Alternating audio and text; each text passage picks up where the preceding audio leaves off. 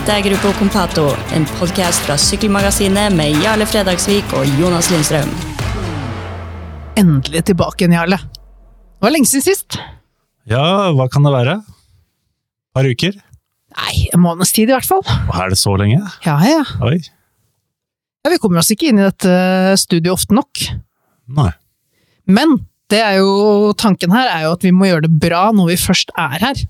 Eh, og det har vi gjort i dag. I dag har vi jo til og med dratt inn vår første tilstedeværende gjest noensinne. Ja. Er det sånn at vi kan røpe hvem det er nå, eller er det fortsatt litt hemmelig? Jeg vet ikke, er eh, avstemningen din på Twitter eh, stengt, eller kan folk fortsatt taste inn sitt valg? Jeg tror vi skal holde litt på, på spenningen, men jeg kan fortelle at uh, 12% trodde at Tore André Aase Vabø er dagens gjest. 25% gikk for Johannes Staune Mitte, 29% for Carl Fredrik Hagen og 34% for Jonas Iversby Widerberg, så han de fleste forventer at sitter her nå. Ja. Ja. Da blir de skuffet, da.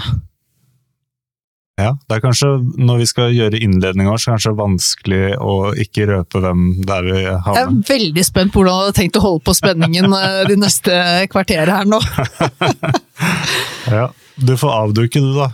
Jo, altså, det er jo litt sånn Jeg føler egentlig det er litt naturlig utvikling fra det vi har snakket om tidligere. For vi har hatt én episode om UnoX, eh, og så hadde vi forrige episode om juniorlandslaget.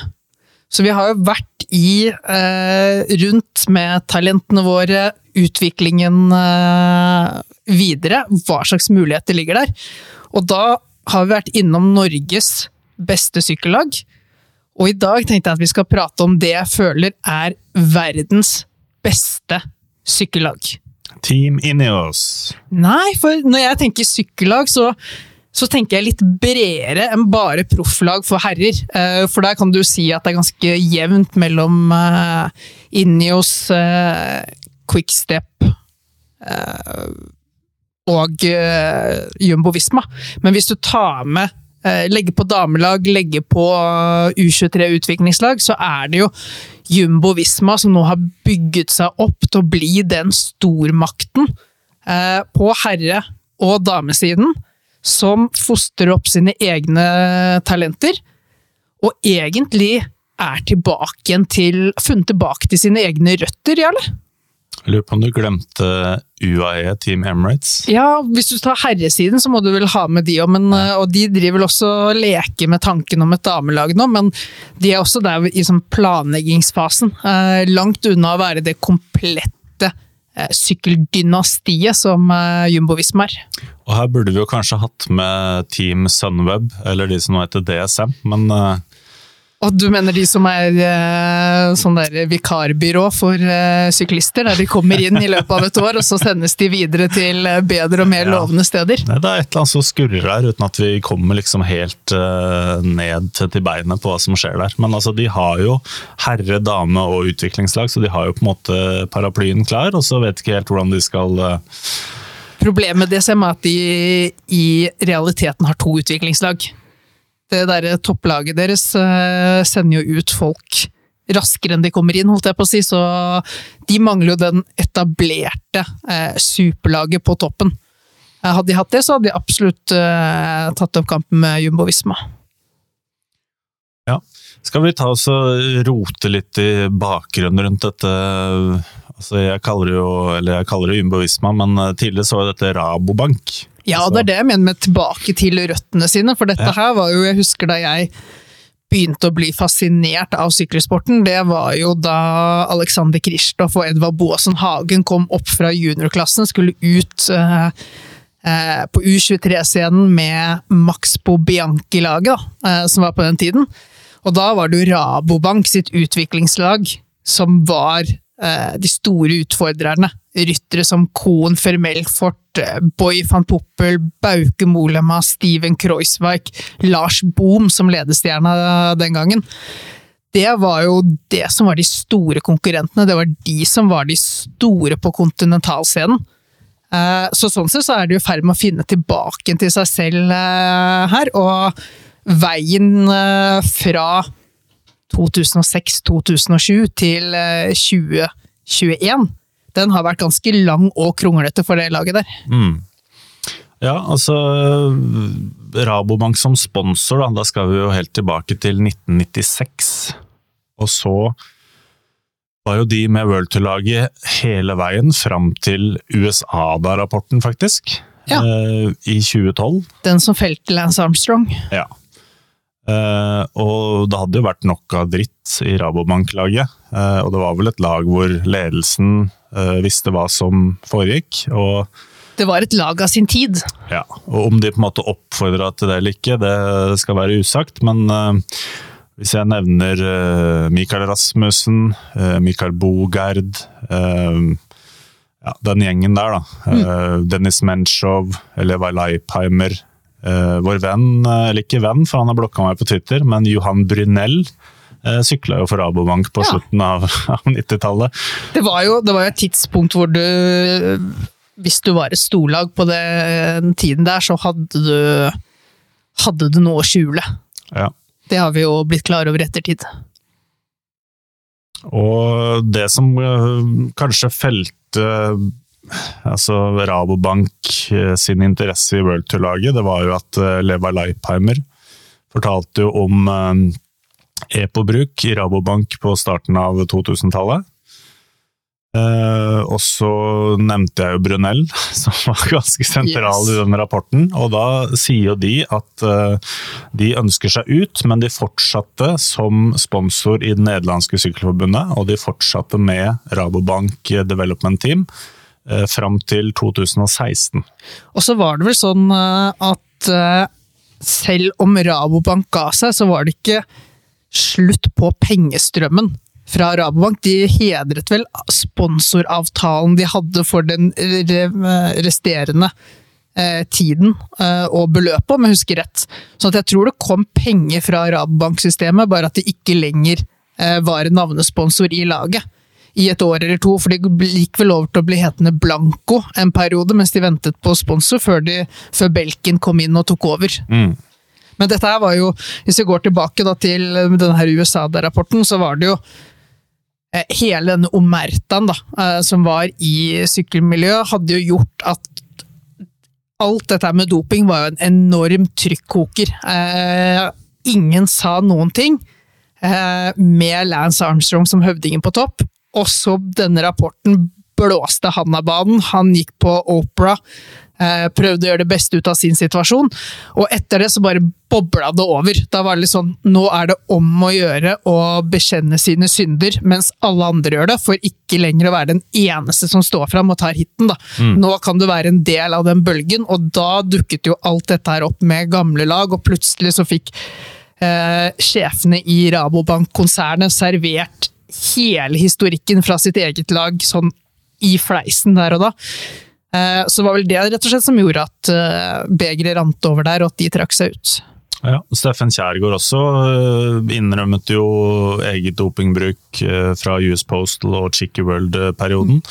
Og i Nederland så var det ganske mye som skjedde. altså De hadde en, en mulighet til å liksom komme clean.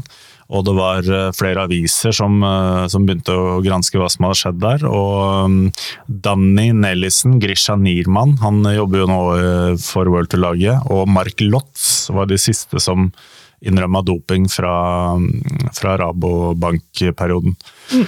Og Når det gjelder utviklingslaget også, som altså, du nevnte en del ryttere i stad. og det er helt det er fascinerende hvor mange gode nederlandske ryttere som har vært innom der. Altså, du kan nesten nevne enhver rytter Nesten med unntak av Dylan Gronevegen, egentlig. Og så har han sykla for eh, Rabobank Development Team eh, på et eller annet punkt. Så, så hva de har gjort eh, fra 96 eh, da, og fram til 2016, eh, altså de 20 åra der, så var det jo overlegent det beste utviklingssystemet som fantes. Og vi vet jo fra Nederland, altså hvis jeg sier Ajax Amsterdam, Vitesse Arnhem, Herenfen altså fotballklubbene derfra, så vet vi at de er flinke til å bygge opp unge spillere. og Da snakker jeg ikke nå eh, doping, men altså, de er gode på talentutvikling. Eh, de tar det inn tidlig, de er gode på akademier. Eh, og etter at dette laget ble team Lotto NL Jumbo fra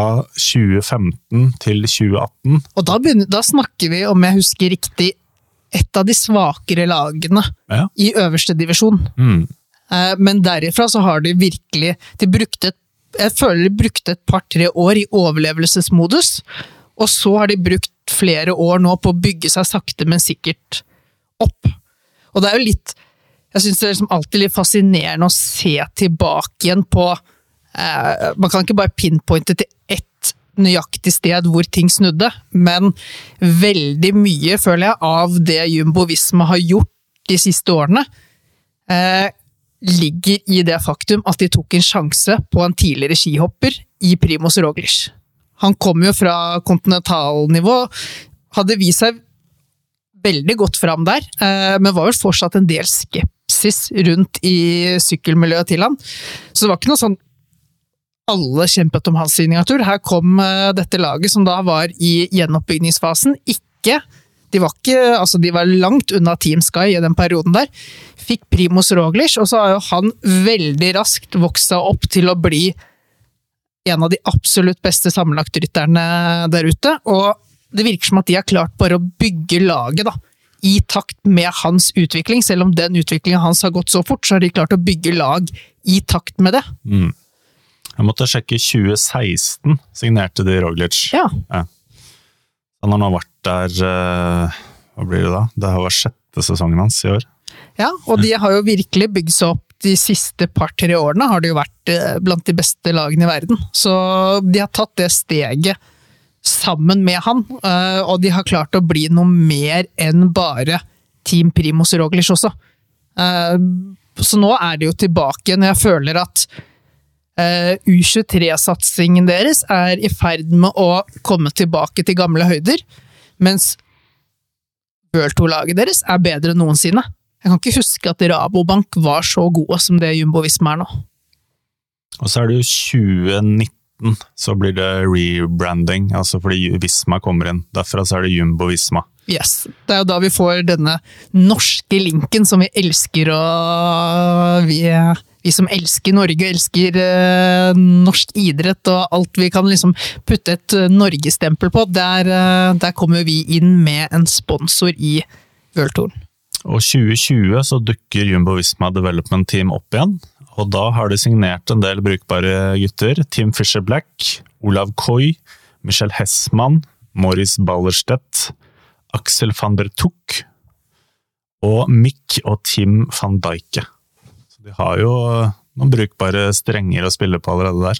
Ja, det, det er jo vokst opp til å bli et av de beste lagene på kontinentallagsscenen i, i 2021.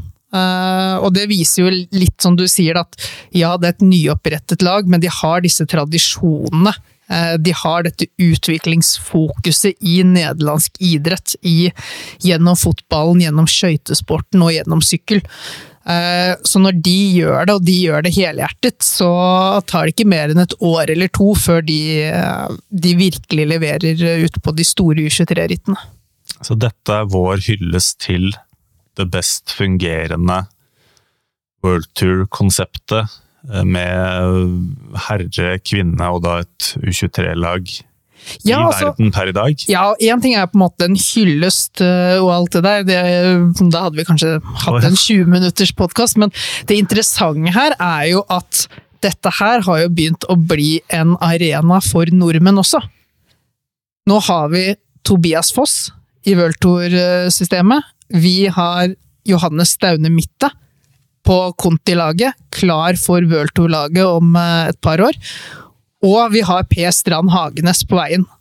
Eh, så ja, du kan du utfordre deg, eller finner du i årets sesong finner du noe mer lovende og spennende eh, World Tour-rytter fra Norge enn Tobias Foss? Finner du noe mer spennende U23-rytter enn Johannes Staune Midte fra Norge? Og finner du en mer spennende junior enn P. Strand Hagenes? De har på en måte noen av toppene innenfor hver av eh, alderskategoriene. Og dette her er folk som da skal forvaltes i eh, dette nederlandske systemet, så da må vi jo prøve å bli litt bedre kjent eh, med systemet. Og i tillegg, da, når vi har fått en gjest her som vi får mulighet til å bli bedre kjent med han nå, så det er jo det som gjør dette her til en episode, ikke bare en ren hyllest. Jeg vil jo nevne Markus Holgaard da, i den miksen der, selv om det er en annen type enn Tobias Foss. Så er jo det årets uh, mest framgangsrike norske sykkelrytter, spør du meg. Det kan jeg være enig i. Men skal vi introdusere gjesten, da, som kanskje mange har skjønt av meg, siden vi hadde Per Strand Hagenes uh, med oss forrige gang? Ja. Hvem er, det, hvem er det som lurer seg under mikrofon nummer tre? Må vel være Johannes Daune Mitte, da. Har du skrudd den på nå? Ja, nå er du på lufta. Ja, så greit, da. Eller som jeg kaller for Grande Mitte. Ja, det er jo Det er klart det er, det er trivelig med sånn hyllest, men, um, men man blir litt flau, da. Man blir jo det. Jeg tenker det som nytt uh, Twitter-navn. Grande Mitte. Det kan jeg nok forsikre om at det kommer nok ikke til å skje. Du har jo en uh, Nå husker jeg jo ikke navnet på den, men uh, en av disse juniorsyklistene fra Danmark har jo The Goat som uh, sitt Twitter-navn. Hadde i hvert fall fram til nylig. Ja, det er han her som er signert for Dare, det er det ikke det? Jo, det er han Ja. Åh, Stemmer. Jeg skulle husket navnet. Dalby, eller? Nei. Nei.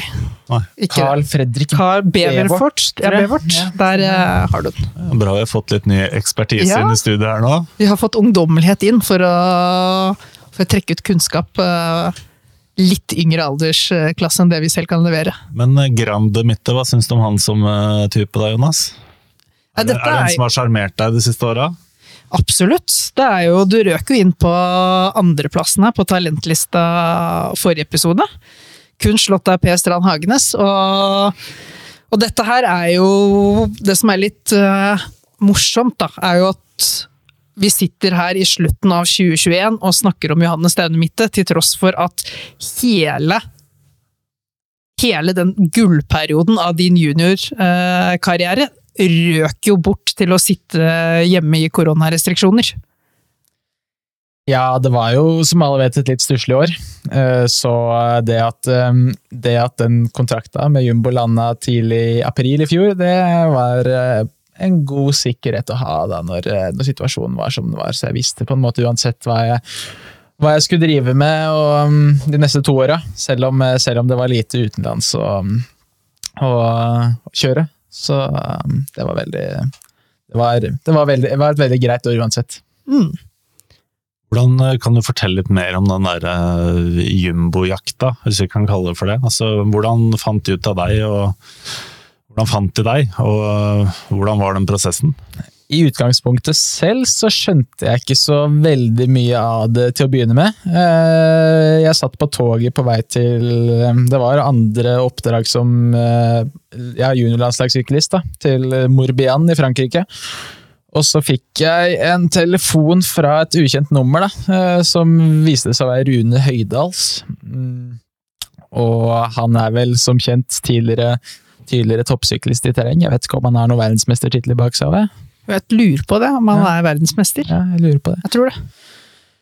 Nei, så fikk jeg telefon av han, da, som lurte på om jeg hadde lyst til å prate med um, Head of Development, da, som eh, de kaller han, i Team Jumbo Og, Og, og ung og gira som jeg var, så var jeg ikke så veldig hard å be.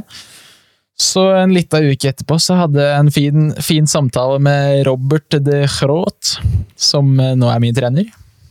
Og det ja, hadde egentlig gode, gode, gode samtaler eh, gjennom året, og mm, til slutt så landa det en avtale, så det var jo veldig, mm, veldig heldig.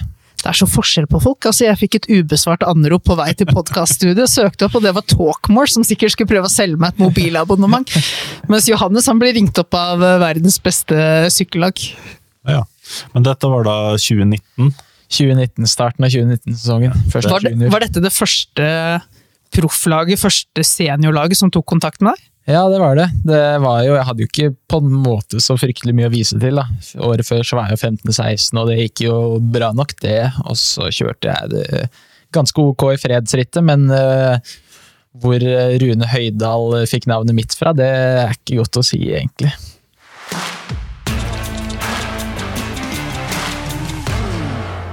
Men det var jo en sesong hvor du ble norgesmester i to forskjellige disipliner. Eh, ja, i landeveissykling og i langrenn, tenker du på? Yes. Stemmer det. det. Hvis jeg ikke husker helt feil, så var vel langrennsgull uh, først, da, regner jeg med, på Yes. vinteren der. yes. Så det, eh, det var utrolig fett. Jeg var sånn Året før så var jeg litt sånn på hekta. Ok, skal jeg fortsette å gå på ski, skal jeg ikke? Og så ble det til at jeg, ja, jeg begynte på høsten, da. Og, og um, fikk eh, være med NTG langrenn på, på samlinger og på treninger. Og så stilte jeg til start på, start på første skirennet, og på Natterudstilen. Da tror jeg at jeg blei i, ja, i om lag sånn jeg tror jeg var et par og tjue av rundt 30 deltakere, og noen måneder etterpå så blei jeg norgesmester, da. På et eller annet vidunderlig vis.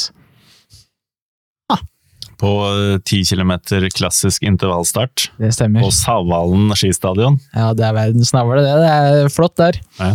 Men når var det du liksom skjønte at, uh, at altså, Selvfølgelig når Jumbo Visma ringer, så begynner det kanskje å gå opp noe lys, men uh, når tar du det endelige endelig valget om at det du skal gjøre resten av livet, det er ikke å jakte Alexander og Nikolai Elde Holmboe i langrennssporet? Og ja, det Ja, hvis man kan si at det har blitt tatt noe valg, så er det for så vidt Jeg vet ikke, så er det i utgangspunktet nå, det, da. Jeg signerte jo ny kontrakt eh, i slutten av oktober, og jeg kjente selv at eh, når det blir travelt utover og sesongen har vært så bra som den har vært, så eh, har jeg ikke helt motivasjonen som skal til for å for å legge ned det som skal til um, i langrennstreninga inn mot vinteren. Det er uh, Jeg eh, har jo hatt mange gode minner med langrenn, og jeg um, kan ikke si at, lang, at ambisjonsnivået er der at jeg er at jeg um, orker å satse for å gå Arne Rustadstunds minneløp på Lillehammer. Eh, så det er vel egentlig det som er tanken, da, at når jeg ikke når jeg ikke får meg det aller største uansett, så eh, velger jeg å heller legge ned noen ekstra timer på sykkelen og kose meg med skigåing eh, når det er anledning til det. Jeg tenkte vi kunne øh, høre litt med Johannes om på en måte bakgrunnen hans og, og oppvekst og, og familie, og liksom de første opplevelsene på um, idrettsbanen eller idrettsarenaen. Hva, hva var det dere starta opp med, og hvor viktig vil du si at den gjengen hjemme har vært for uh, din karriere så langt? Veldig viktig. Det, definitivt. Jeg har jo eh, foreldre som, eh, som er veldig ivrige på å stille opp. Eh, Og så har jeg en storebror som heter Andreas, som kanskje flere av lytterne kjenner til. Som er tidligere syklist. Og to småsøsken som er tvillinger. Og det blei jo egentlig sånn ganske tidlig at det var Dessverre blei sånn at eh, noen måtte ta vare på de tvillingbarna òg, da. Så Mm. da var det ofte pappa som var med ute på sykkelritt, og så var eh, mamma som eh, blei hjemme og tok vare på de, da. Eh, og uten noen av dem, så hadde jo ikke Ja, hadde jo ikke gått rundt, for så vidt. Så, mm, så det er helt klart at de har vært viktige, og det å ha, ha en storebror å strekke seg etter og mm, bli inspirert av, det, mm, det er ikke noe å undervurdere, for å si det sånn. Skal vi fortelle litt om uh, Andreas? Han kjenner vi litt til her i Gruppe og Kompatto-redaksjonen. Jeg holdt på å si sisset i en jokerdrakt. Eh, han havnet vel på et italiensk lag i år, men eh, jeg så han på én eller to resultatlister tror jeg, helt på starten av sesongen, og så har det bare fadet ut med stillhet der. Kan vel si at det ble ikke helt full klaff i Italia, for å si det sånn, dessverre. Eh, Men nå har han begynt med noe annet, og han trives med det. Så hvis dere er, eh, er interessert i kule historier, eller kule historier, men en eh, kjedelig periode i Italia, så tror jeg dere kan, kan lokke på dere en annen gjest her med, med julebrus og kokosmakroner her i studio. Altså, jeg tror vi har mye gode Jeg tror sånn opp igjennom historien så ligger det en del eh, en del sånne norske møter med italiensk sykkelsport som eh, er litt eh, er litt spesielle. Vi hadde vel både Besjeven Støen og Oi, Jan Fredrik oi. Grue tilbake i tiden her, som jeg tror gikk på en liten smell eh, nede i Italia. Så kanskje vi må kjøre en egen episode Det er litt sånn Mamma Mia-episode. Hvordan, eh, hvordan går det an? Det er jo fra de som har lagt opp til får det beste historien, Ja. merkelig, merkelig nok. Det er det. Men jeg prøvde å gjøre litt research. Team Viris Vigevano kom jeg fram til. eh, Og et eller annet som het Gragnano Sporting Club, som visstnok sto bak en U23-satsing. Jeg føler jeg følger ganske godt med i sykkelsporten, men dette her er ikke et lag jeg er kjent med. Men de, de hadde da noen gode ryttere. altså Jeg tror det er noen Piccolo-brødre der, og, så de er ikke helt tapt bak en stein. Men nå, jeg vet ikke, hva, hva har du hørt om eh, opplevelsen hans der, da? Jeg synes du bare kan gi oss en liten smakebit? Nei, det er vel først og fremst ganske store kulturforskjeller. Og jeg tror vel det er det som blei utgangspunktet for, eh, for problemene som oppstod, da, rett og slett. Det er ikke noe å legge skjul på det at eh, det er kanskje flere, flere historier om folk som ikke har lykkes i Italia, enn det det er eh, suksesshistorier. Ja, og, det, og du har det med Italia og Spania der, og det er derfor også det er så spennende nå da med disse eh, Kall det litt mer internasjonale konseptene da, eh, som har vokst opp i sykkelsporten de siste årene. Og der tror jeg også da at jeg sitter med en følelse av at den nederlandske kulturen passer nordmenn bedre, og at du har kommet inn et sted som ligner litt mer på de forhold du var vokst opp med på Lillehammer, enn eh, enn det din bror gjorde. Definitivt. Det er trivelige og veldig, veldig greie folk å forholde seg til. Så det um, ja, Nederlandske folk, det har jeg, har jeg ikke noe vondt å si, si om. Jeg har snakka litt med Andreas, og han øh, Jeg tror ikke liksom det var noe unnskyldning. Han mente at øh, du sannsynligvis fikk bedre smurte ski i oppveksten enn det han gjorde. Eh, Fordi pappa Nei, det var ikke ment som en unnskyldning. Fordi pappa Geir Ove ikke var noe sånn supersmører i utgangspunktet, men kanskje lærte seg noen triks underveis. Ja, han har vel Jeg vet ikke om han hører på. Jeg, jeg tror faktisk han hører, følger med, faktisk. Eh, men det må være lov å være så ærlig å si at eh, det har ikke alltid vært full klaff. Det har jo ikke det. det han skjønte vel eh, etter hvert med året at det er faktisk eh, det er faktisk verdt å investere litt uh, i skismøring for å få gode skiopplevelser. Han var sikkert drittlei av å smøre ski til slutt òg. Skal vi høre litt fra pappa, eller? Oi.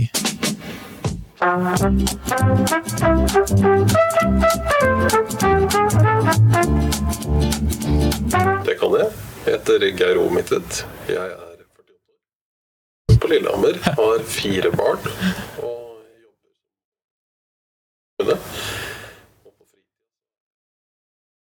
Veldig involvert i idrett på ymse, ymse vis. Har to gutter som satser toppidrett. Ja. Det var en kort øh, presentasjon. Litt av en overraskelse, det der. Jeg tror jeg er første, første podkasten fatter'n gjester, for å si det sånn. Kommunikolog, faktisk. Ja. Ja. Det kan vi mye om. Men det høres jo altså Kommunikolog og jobbe innen HR, det høres jo perfekt ut når du har fire barn. Da tenker jeg, da har du egenskapene som skal til for å holde litt sånn organisasjon i kaoset. Ja, jeg tror mamma har stått for mest av strukturen eh, hjemme hos oss. Sånn eh, tidligere. Du, en, ting jeg lurte på, nå kan jeg bomme. Er det noe fransk blod i dine årer? Nei, det tror jeg ikke. Ok. Og jeg er heller ikke i, i slekt med Maria Haukås Mittet, hvis eh, det var oppfølgingsspørsmålet. Og det var neste på blokka til Jarle. Han er synsk. Ja, Jonas? Ja, du har ikke noe mer fra Du har ikke noe flere sånne her overraskelser Nei, jeg har ikke noen flere sånne fram? videoer fra- med Geir Ove Mittet. Det var noe, var noe morsomt jeg fant på, på YouTuben. Men kan vi hoppe litt, eh, litt nærmere nåtiden, da? For hva som vi sa, du 2019 kom, eh, du leverte gode resultater som førsteårs junior. Eh, Det er jo sjelden at man som førsteårs junior tar verden fullstendig med storm. Og det følte vi kanskje ikke at du gjorde heller, men du hadde jo fått denne kontrakten. Veldig greit da 2020 kom. Hele den internasjonale sesongen gikk i dass. Kun ritt i Norge. Og så skal du da altså starte opp 2021 eh, i nytt lag, ny aldersklasse, og endelig ut i utlandet igjen. Eh, litt sommerfugler i magen da du sto på start i første ritt. Definitivt. Når er det jo et helt annet steg å komme opp i 23-klassa, og det er litt vanskelig å si hva den egentlig går til. Eh, Men eh, jeg hadde veldig stor tiltro til at eh, det vi hadde gjort gjennom vinteren, og sånn, hadde fungert. Så det viste seg at det ikke var så aller verst. Da. Siden første rittet så har det egentlig bare vært en veldig grei vekst utover, utover sommeren. Jeg tenker litt sånn i retrospekt at den 2020-sesongen kanskje var en så liten gave til nordmenn og til norske ryttere. Jeg vet ikke hvorfor, men bare ser for meg at ok, nå får jeg ikke kjørt konkurranse, jeg blir her oppe i Norge, jeg kan i hvert fall bevege meg fritt. Jeg kan trene lenge og strukturert over tid. Altså, det er mulig å være drita kjedelig, men det virker som jeg tenker at norske ryttere egentlig kom ganske greit ut av det. Tror du? Jeg liksom både og. Jeg forstår den her treningsdelen. Uh, alt dette her, og man slipper reise rundt på ritt, men samtidig, altså, det ble jo avholdt noen nasjonale konkurranser. Uh, og da tenker jeg å være syklist i Belgia, da, for eksempel. Det er jo en helt annen hverdag om du må forholde deg til bare å leve og konkurrere i Belgia, enn å bare leve og konkurrere i Norge. Eh, her snakker vi en fire-fem norgescupløp og et Tour til fjells.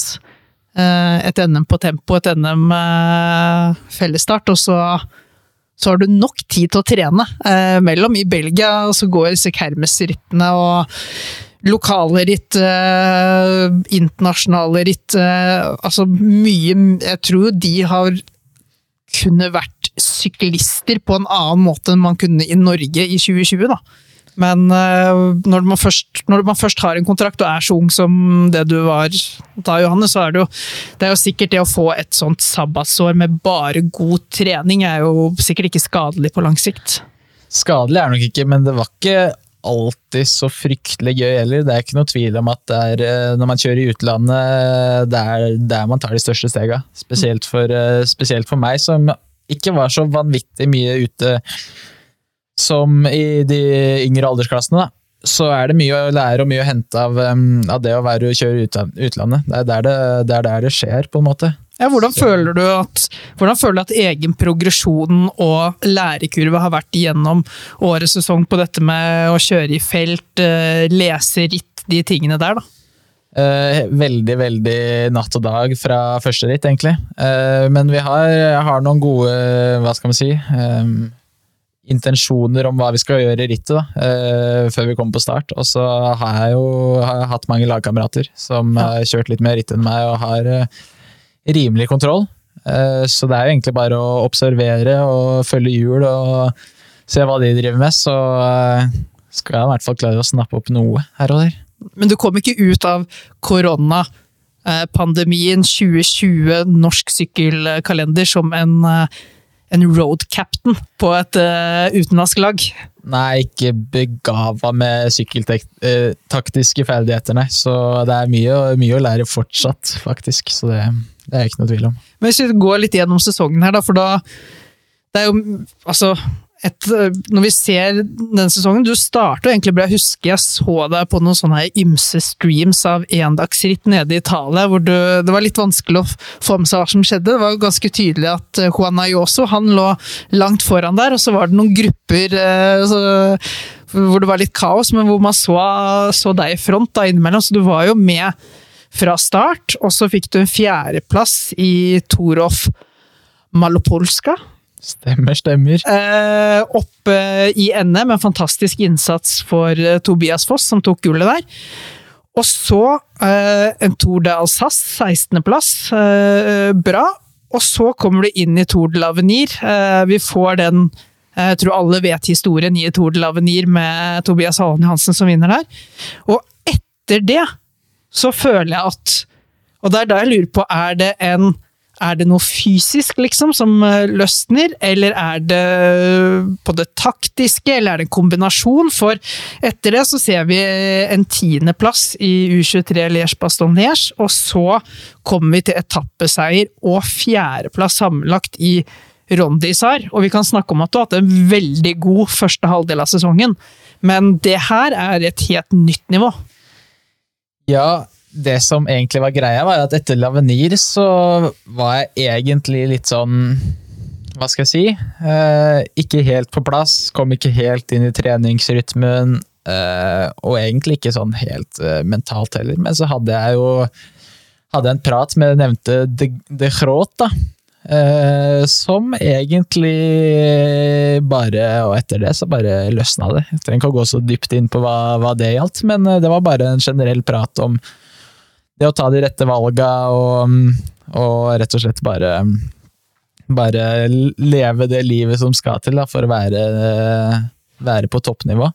Og jeg føler egentlig at det var det som på en måte skjedde oppe i toppen, da, at det på en måte bare løsna litt, og at jeg fikk litt troa. Og når du først leverer bra i Liège, som var et utrolig, utrolig fett løp, så var det så var det, var det en god følelse å komme inn i Lissar. Så det, det blei jo fett òg, det. Men Fikk du en oppstrammer? Liksom, du er en 24-timersutøver, du må legge bort mobilen, nå må du ikke være på Tinder? Nei. Nei, jeg er ikke på Tinder uansett. Så. Eller var det mer sånn uh, Det var rett og slett en liten oppstrammer, et lite spark i baken, og det er jo det som skal til av og til. Ja. Så jeg tror ikke det fysiske egentlig var noe problem uh, tidligere heller. Uh, men en liten oppstrammer, og det, det tror jeg man trenger. Ja. Men du, du, er jo, du, er jo, fersk, altså førsteårs i 23, og kommer sikkert godt forberedt til ny sesong, men usikker på liksom nivå og nye løp. og Hvor bra er uh, Jumbo Visma, altså laget du har rundt deg? Altså Hvor gode er de rytterne du har rundt deg, og hvor godt samarbeider dere som lag? Um, vi liker jo selv å si at vi er verdens beste utviklingslag. Dere sier det? Ja, vi sier det. Det er når vi sitter og snakker om uh, FD Sjø og Asje Dessert og um, man kan jo ta med Hagens og um, Trinity og sånt, så, så, liker vi jo arrogante som nederlendere er, da, ja. Eh, til tider, så liker vi å kalle oss uh, verdens beste utviklingslag. Ja. Og jeg føler egentlig at det er i alle ledd. Er, det, er, ja, det er utrolig gode ryttere og folk som har gjort det veldig bra på juniornivå og, og tidlig, tidlig seniornivå, men først og fremst så har vi også veldig gode trenere og coacher og et godt opplegg rundt oss, da. Og jeg tror, jeg tror ikke det er mange mange Conti-lag i verden som er i nærheten, egentlig, og jeg tror er, vi er på høyde med flere World Tour-lag i forhold til i forhold til trening og, og utstyret vi har, og alt som hører med. Så jeg tror absolutt at um, det er et uh, veldig godt opplegg og et uh, godt utgangspunkt for å utvikle seg. Og så har dere jo andre ryttere som eh, blir lagt merke til veldig, veldig tidlig. Altså han Olav Koi, eh, han forsvant vel kanskje til World Tour-laget før du kom dit? Ja, han skulle egentlig kjøre første halvdel med oss i år, men så hva var det som kom av? jeg, tror det var litt, eh, jeg tror det var en del ritt som ble utsatt på det nivået der pga. koronarestriksjonen som fortsatt var. Ja. så om jeg husker rett, så kommer laget fram til at Olav Koi ikke fikk den matchingen han skulle ha om han hadde vært på Devo-laget den første halvåret. Så de tok han vel opp til profflaget, og så er det fortsatt sånn at du kan låne ut ryttere fra profflaget til Devo-laget og fra Devo-laget til profflaget. Sånn, fikk vel sånn sett den kunne svinge litt fram og tilbake. Ja, han var jo med oss eh, på noen samlinger, og jeg fikk jo med meg i fjor og hva han leverte, og det er ikke noe tvil om at han leverte såpass at eh, det skulle være mulig å få med seg en, eh, en proffkontrakt. Og det er det jo flere andre, de andre på laget òg som, eh, som, har fått med seg. Det er både, både Michelle og Mick er jo tatt med i år. I tillegg til uh, Olav, da, sammen med Heis uh, i fjor. Så har jo både jeg og Tim da signert for fremtiden, da, kan du si.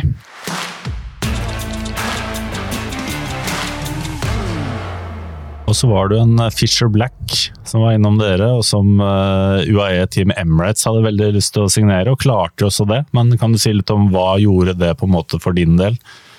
Noe... at man mista en av uh, gullklumpene? Det er ikke noe tvil om at uh, hvis det er noen med god økonomi i sykkelsporten, så er det jo de her uh, lagene som er sponsorer eller eiere fra Midtøsten. da så jeg tror rett og slett at de bladde opp, eller jeg veit at de bladde opp bra med millioner da, for, for, Finn. Og bare en uke etterpå så fikk jeg, fikk jeg fikk jeg telefon da fra Marein Seyman, som dere kanskje også kjenner til, som er hva skal man si, ja, eh, sportslig leder. Eh, øverste ansvarlig for det sportslige. På World Tour-laget. På World Tour-laget. Mm. Eh, som lurte på om Ja, hvis han tilbydde meg en femårskontrakt, om jeg var interessert, da. Og fortsatt ikke så veldig hard om jeg. Altså, for en kometkarriere vi snakker her, egentlig. Ja, men dette her er jo eh, Nå er vi i mars, eller? Nå er vi April? i Mai?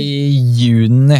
Juni, er vet Ja, ikke. da hadde de nettopp snappa, snappa opp at Finn eh, forsvant, så da tror jeg Nå skal ikke jeg trekke opp meg selv som verdens største talent, men da tror jeg de fikk for seg at de kanskje måtte gjøre det lille ekstra da, for å beholde de talentene de hadde.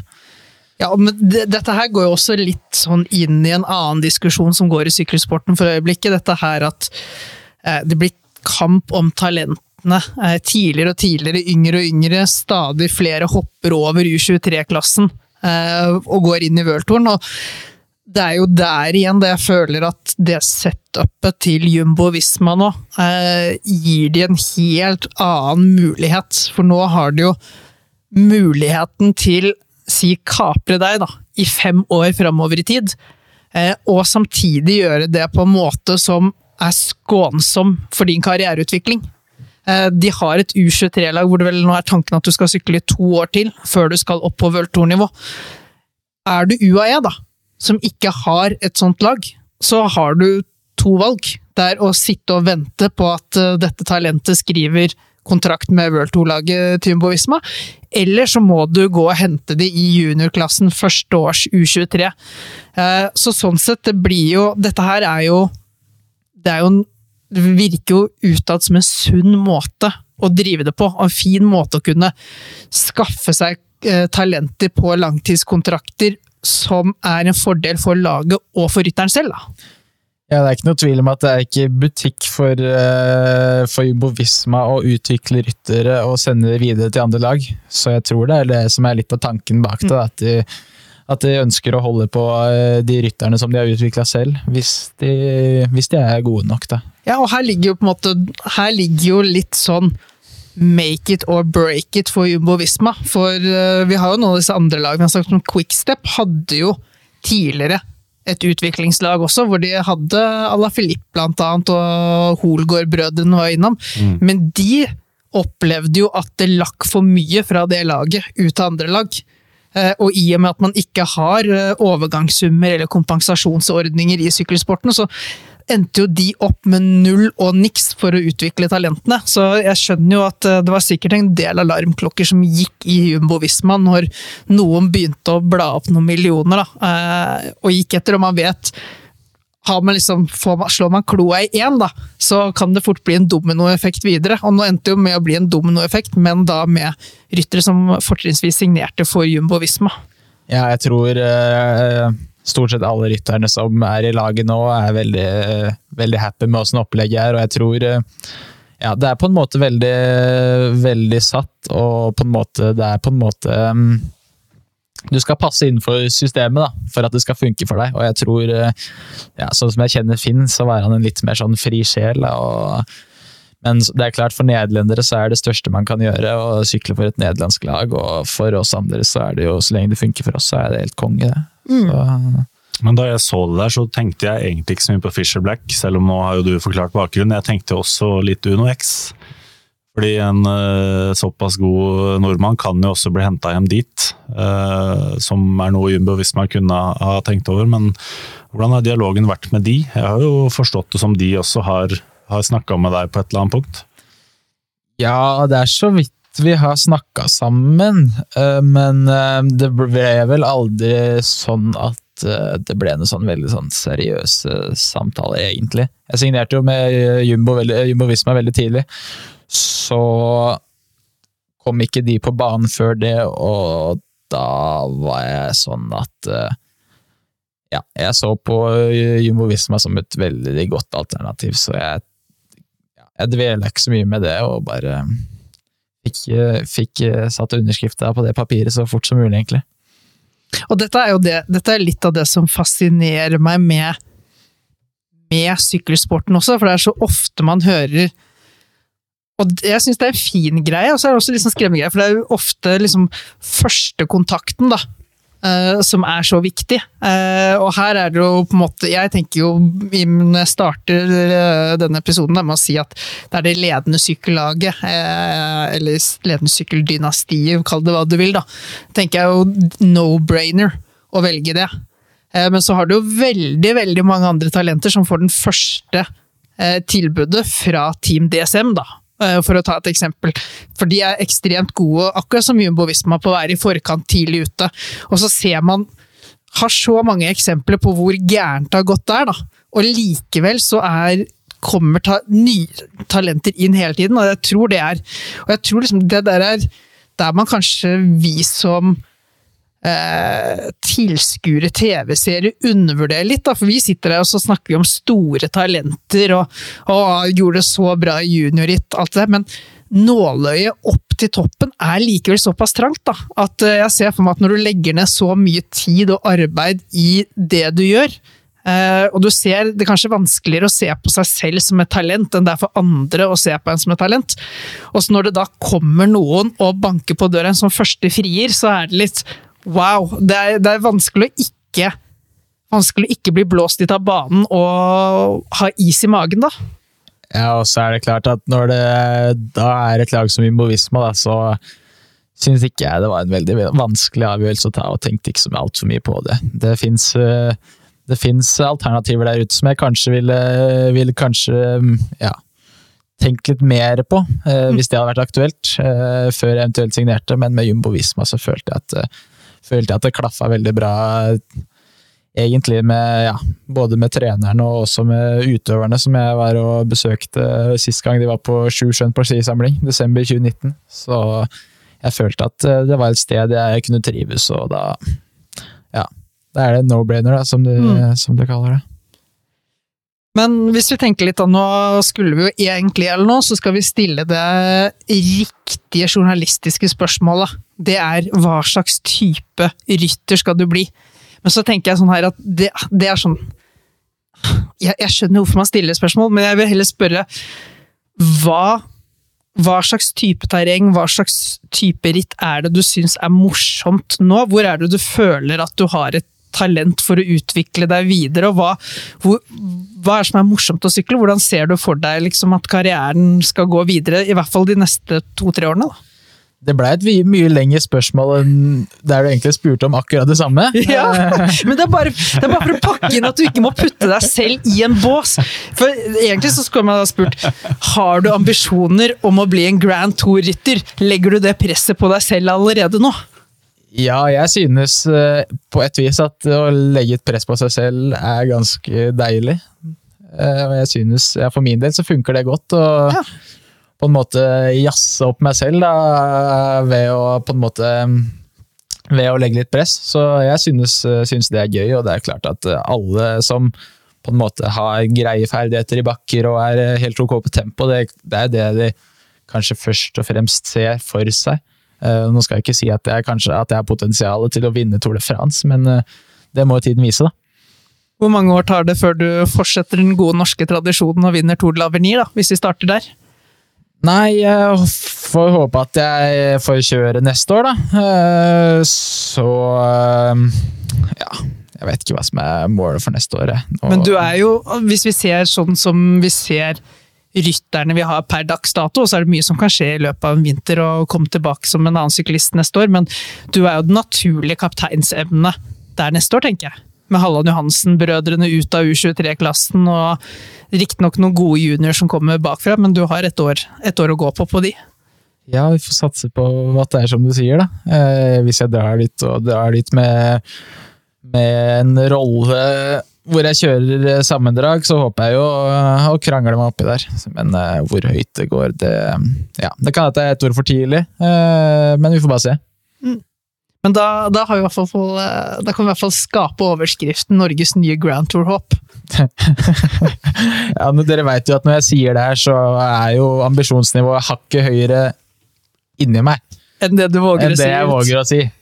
Så, så det får dere, jo tolke, får dere tolke som dere vil, da. Jeg syns jo Rondelisar er jo et eh, spennende ritt. Altså det, er, eh, det er krevende. Jeg skal kanskje ikke si at det er 23-utgaven av Tour de France, for den har vel fortsatt Tour de l'Avenir. Men uh, Kanskje litt mer U23-utgaven av Vuelta i Spania, for det var, i hvert fall for oss som fulgte på sånn live-ticker, så virka det som altså en angrepsbonanza og et et taktisk kaotisk ritt. Så, Ja. Som egentlig Det starter jo egentlig før du vinner etappen.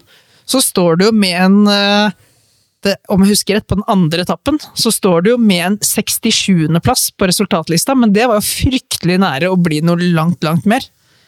Ja, det var vel sånn eh, halvveis ut i løpet. Det her var jo før vi egentlig kom inn i fjellene. Eh, halvveis ut i det rittet da, så kom det et par sånne bratte kneiker som vi bestemte oss på forkant at her skal vi bare kline til, og så ser vi hva som skjer når vi kommer utover Flatteien. Og så gjør vi det og tetter bruddet, og så plutselig sitter jeg solo da, alene i front. Um, og da var jeg jo eh, ja, altså Som junior så var jeg veldig kjørevillig, og kanskje jeg har fått beskjed om å legge litt lokk på den, eh, på den kjøreviljen, da, eh, tidlig ritt spesielt.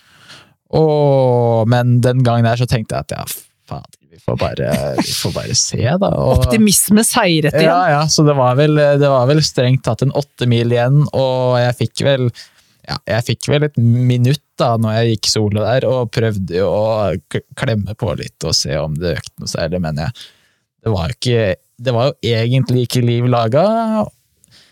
Men når det hadde gått- en halvtime, så tenkte jeg nå har jeg investert så mye at nå er det liksom Man kan bare ikke gi seg nå, da, så da bare kjørte jeg og kjørte jeg. kjørte jeg, og um, Fikk til slutt besøk av tre stykker. Og da var det jo bare å gi gass i hver eneste føring, eh, men vi blei jo henta et par kilometer for mål, da. Så, så det var jo i utgangspunktet ikke ideelt med tanke på at, jeg ble, at vi dro dit for at jeg skulle kjøre sammendrag. ja, det var før, fjellene, ja. før fjellene egentlig hadde begynt. Uh, Så det var Hørte du stemmen til Johan Kaggestad som sa i bakhodet disse klassiske ordene 'det du investerer i dag, er det du må betale for i morgen'?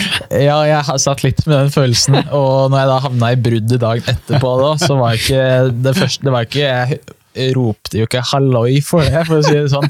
Det var jo e- egentlig ikke et sted jeg hadde lyst til å være. Men så, så Hvordan havnet du der da?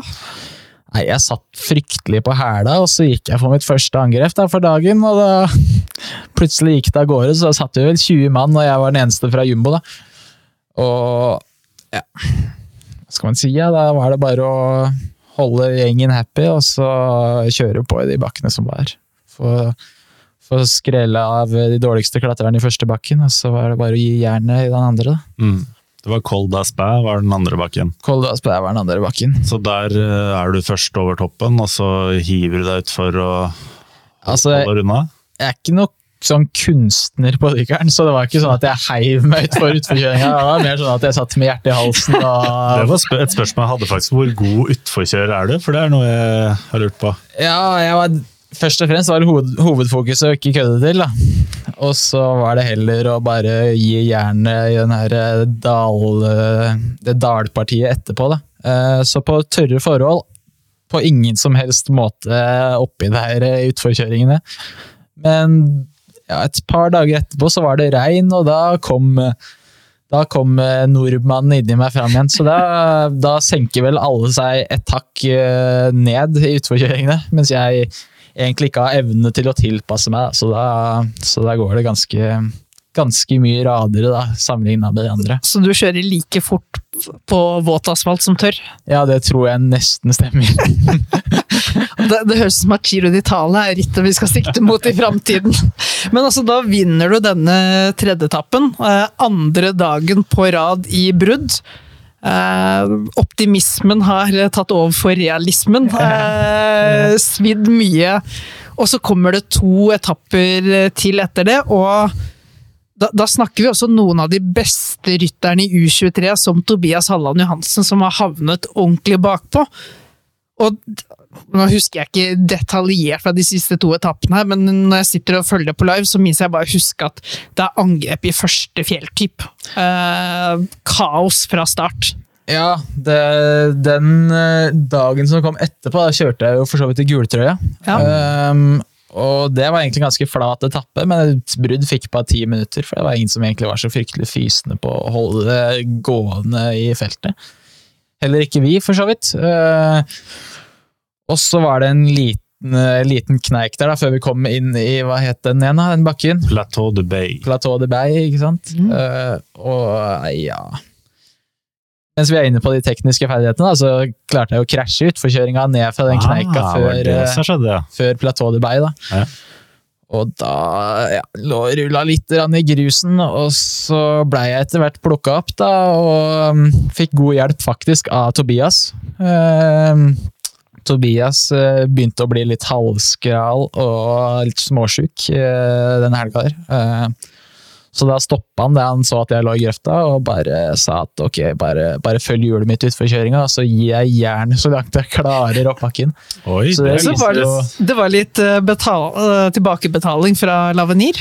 Ja, altså i Lavenir så var det for så vidt eh, ja, Hva skal jeg si? Ja, det var det klare, det var det opplagte valget at det var sånn det skulle bli. Men uh, i Lissar så var det ja, det var utrolig stort, faktisk. Og det var kanskje et av ja, en av de større greiene jeg sitter med fra den helga der, da, bare hvor, hvor fett det var øh, å ha på en måte gode kompiser i andre lag, da, som også, også er villige til å bare ta i tak da, når de ikke har dagen selv. Så det var, øh, det, det var stort. Du har jo en lagkompis, du sa at planen var å kjøre for deg, og du sitter i gult, og du krasjer og det surrer seg litt til. Og så har du en som heter Heis eh, Lemreise, som eh, egentlig er World Tour-rytter i utgangspunktet. Ja. Eh, og på den etappen der så er det jo Thomas Glogue og Fernando Tercero og han som egentlig peker seg ut som kanskje de, de sterkeste gutta i rittet, da, eller? Ja, ja, ja, det var jo for så vidt jeg og Heis da, som var der for å kjøre sammenlagt. Uh, og hvilken vei det skulle tilte, det tok jo egentlig bare som det gikk. Det var sånn den som var sterkest, den fikk bare, fikk bare ta, ta styringa. Um, så når jeg sitter gult, så er jo ideelt sett så ønsker vi bare å forsvare den, den ledelsen jeg har. Ledelsen jeg har. Uh, men Heis ble jo fire i Lavenir, da, så det er jo opplagt at eh, han også har kvaliteter eh, oppover. Kvaliteter som jeg i utgangspunktet ikke har vist, det er foreløpig.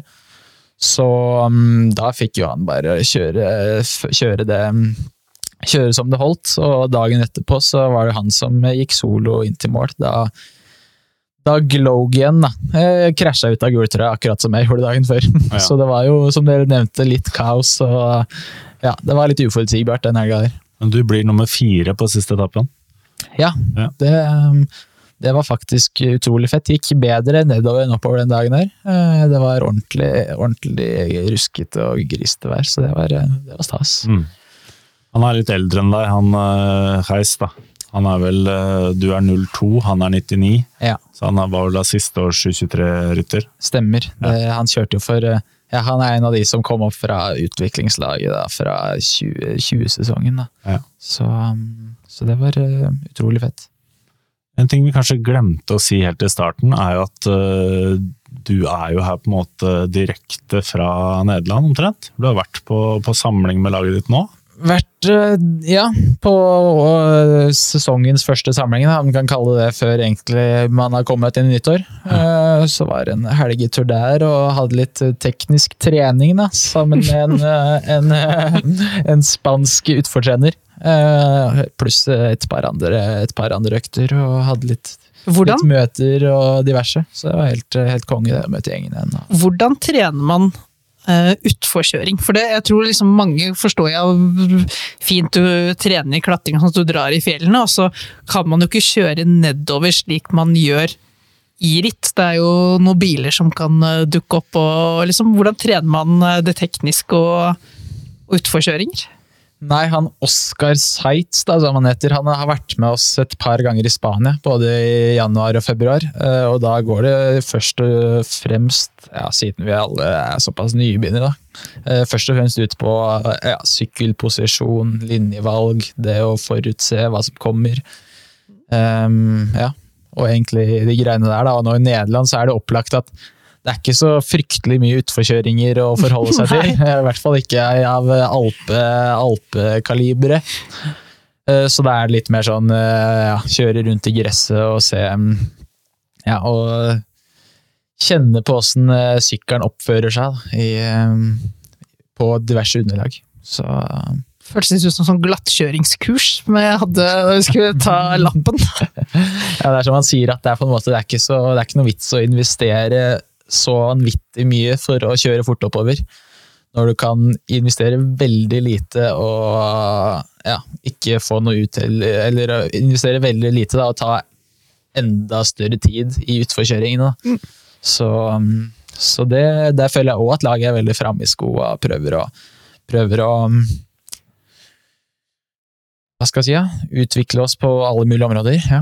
Ja, det er jo, for det er litt spennende, for her har man jo fra juniorklassen spesielt, så kommer folk fra veldig mange forskjellige bakgrunner. Eh, Noen har jo vært terrengsyklister, cyclocross, og kanskje har utforsket mer hva man kan gjøre på en sykkel, da, og hvordan den oppfører seg i ullent terreng. Noen kommer fra helt andre idretter også, eh, og så har man disse her som eh, kanskje har kjørt mer landevei og den delen der, så det er jo helt sikkert et veldig godt poeng å ta tak i. Bare, det, det er liksom ikke det man som sykkelfan sitter og tenker at man investerer så mye tid i å trene på. Så bare litt interessant. Nei, det er i hvert fall ikke noe tvil om at det er mye, veldig mye å hente på det. Om det ikke trenger å gå så mye fortere, så er det i hvert fall greit å komme seg sikrest mulig ned bakkene. Eh, Så det er jo en annen greie med det, at eh, man kan kanskje kjøre fortere, men òg med lavere risiko. Og det Ja, man ønsker jo gjerne å redusere risikoen så mye som mulig. Vi har jo vært innom det, Jonas, men eh, neste år så kommer det nok en nordmann til dette fantastiske laget. Ja. Uh, I tillegg en uh, fyr som tidligere var en ganske god skiløper, han også. Uh, snakker om Per Strand Hagenes. ja det er to modeller fra samme, samme norske skole, sånn sett. Men Var det en du pleide å banke på ski, eller? Han er vel litt år yngre enn deg, men husker du at du har konkurrert nå?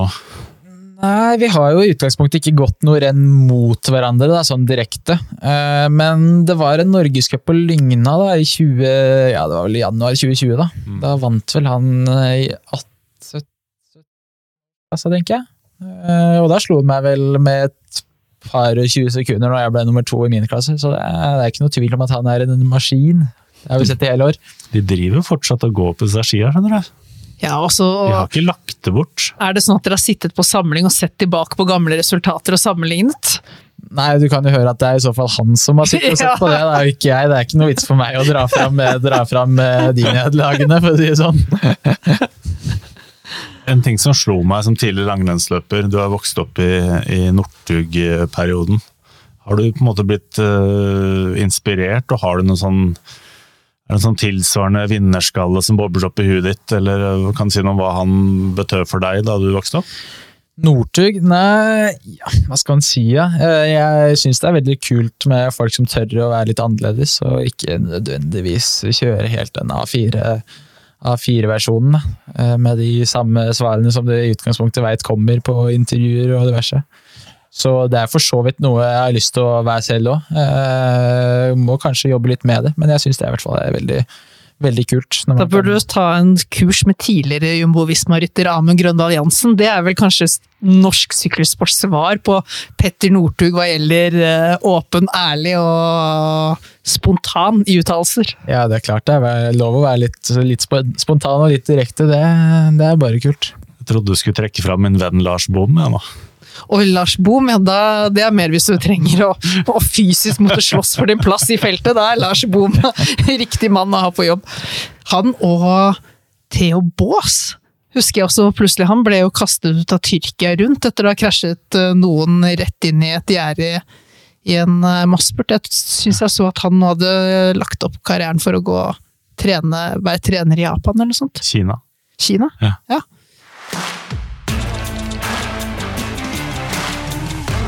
Vi må prate litt mer da, Johannes, om uh, denne norske delegasjonen, og ikke minst Per Strand Hagenes som kommer inn nå. Uh, han går jo da i de skoene du gikk i i starten av denne sesongen, skal han gjøre neste år. Uh, regner med at du har møtt den på et par samlinger og sånt nå. Hva, hva tenker du om et potensielt en norsk, dødelig norsk duo i Jumbo Visma Development Team neste år? Nei, hva tenker jeg om det? Det er ikke noe tvil om at eh, Per i hvert fall har, eh, har trøkk i labba. Eh, han har vist det på samling nå, at eh, det, er noe, det er ikke noe fare for at han ikke skal ta nivået. Han, ja, våre ryttere har gjort det veldig bra sånn generelt sett. og Én en ting er at han er junior i år, men han har på treningssamlinger og tester og sånt, så er det ikke noe tvil om at han er klar for å, klar for å ta et steg. og mm, ja, så det tror jeg blir, eh, tror jeg, tror jeg blir veldig bra. Har, jeg tror vi har egenskaper som på en måte kan fylle hverandre ganske bra, så det blir spennende å se åssen løpsprogram de har for han, og for så vidt for meg òg, og eh, ja, åssen det blir. Ja, for det her er vel en rytter som har litt mer punch enn deg. Eh, litt mer Ardenner-punchet, mens du, slik jeg oppfatter i hvert fall, trives bedre i de lengste fjellene enn det han gjør. Så sånn sett så kan dere jo eh, du, du setter opp han til å smelle inn eh, et angrep og gå for en etappeseier, og så kjører, får du hjelp tilbake igjen eh, i fjellene dagen etter og tar sammendraget. Jeg tror det kan eh, høres ut som en god plan. Det er ikke noe tvil om at han er eh, ja, Man ser jo det Sånn som i VM-fellesstarten, så er det ikke noe tvil om at fyren har trøkk. Så, det, så jeg, jeg tror han har, eh, har mye å komme med til laget, for å si det sånn.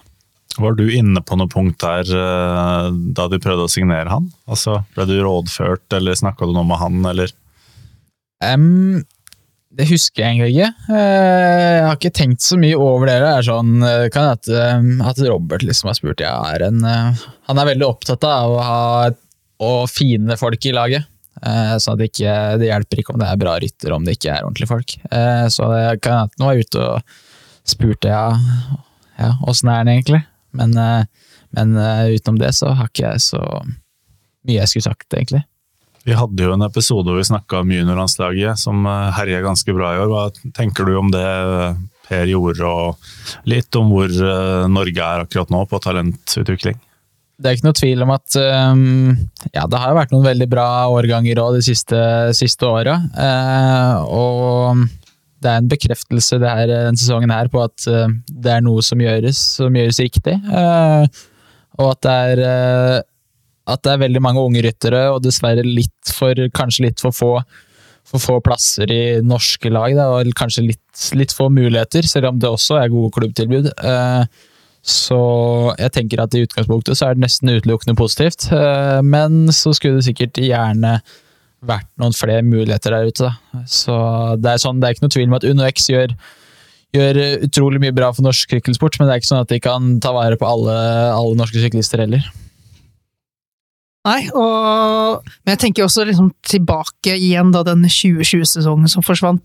Eh, Du konkurrerte jo mot eh, Per og en del av disse andre som har vært så gode i år, da, de var førsteår. år sitter du noe, har du noen gang tenkt, reflektert over Søren, for en sesong vi kunne hatt med det juniorlandslaget i fjor? Ja, jeg tror ikke det er noen tvil om at eh, det er ikke sikkert, det er ikke sikkert vi hadde hatt en så rå sesong som det de hadde i år, Eh, men jeg hadde i hvert fall personlige ambisjoner, og det er jo stort sett de samme rytterne eh, som, eh, som går igjen. Eh, I tillegg til ja, noen som noen som er for gamle, og noen som er for, for unge da, til å være med, være med begge årene. Så jeg var jo liksom Jeg var veldig innstilt når vi kom inn i sesongen at ok, her er det VM som gjelder, og det er bare full gass mot det. Men når det blei som det blei, så er det ikke så mye Ja, det blei ikke så mye sutring over det for min del, egentlig. Det er litt sånn Jeg hadde Jeg var jo så heldig at jeg i hvert fall visste hva jeg skulle gjøre året etterpå, så det var jo Ja, og juniorkarriere er ikke noe man lever på veldig lenge, men eh, jeg tenker liksom for oss eh, sykkelfans, og for dere også, altså, jeg er ganske sikker på at det var noe stort også i 2020 eh, vi gikk glipp av med det juniorlandslaget. Det hadde, om ikke herjet like mye som i år, for det skal mye til, så hadde vi hatt eh, folk for bakkene, folk for tempo, folk eh, for de korte bakkene spurt. Det hadde vært et ganske komplett landslag, det òg. Ja, det er ikke noe tvil om at, eh, om at det absolutt kunne gått bra. Og så er det også sånn at det er utrolig fett å ha en verdensmestertrøye hengende på veggen. Ja. Så selv om det ikke har alt å si i det lange løp, så er det jo, så er det jo bare sinnssykt fett å ha med seg.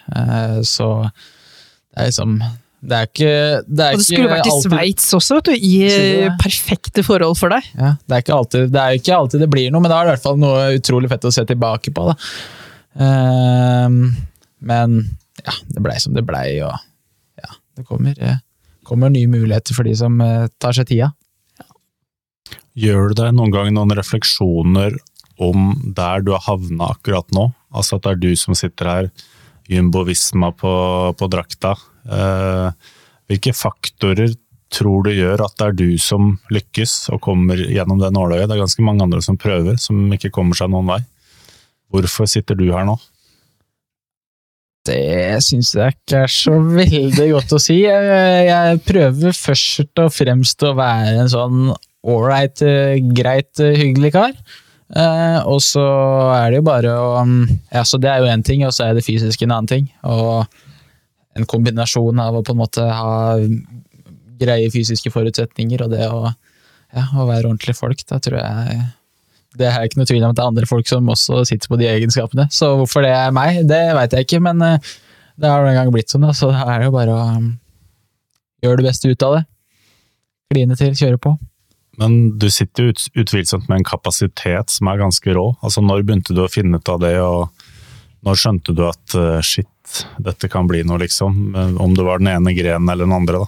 Du må jo ha sett at du ligger godt an på tester og konkurranser etter hvert, og Ja, du har noe spesielt. altså Når du sykler sånn som i 15-16-årsklassene, så er det ikke så godt å si. Det er, eh, det er så mye annet som har noe å si enn bare åssen eh, åssen fysiske egenskaper du har. da.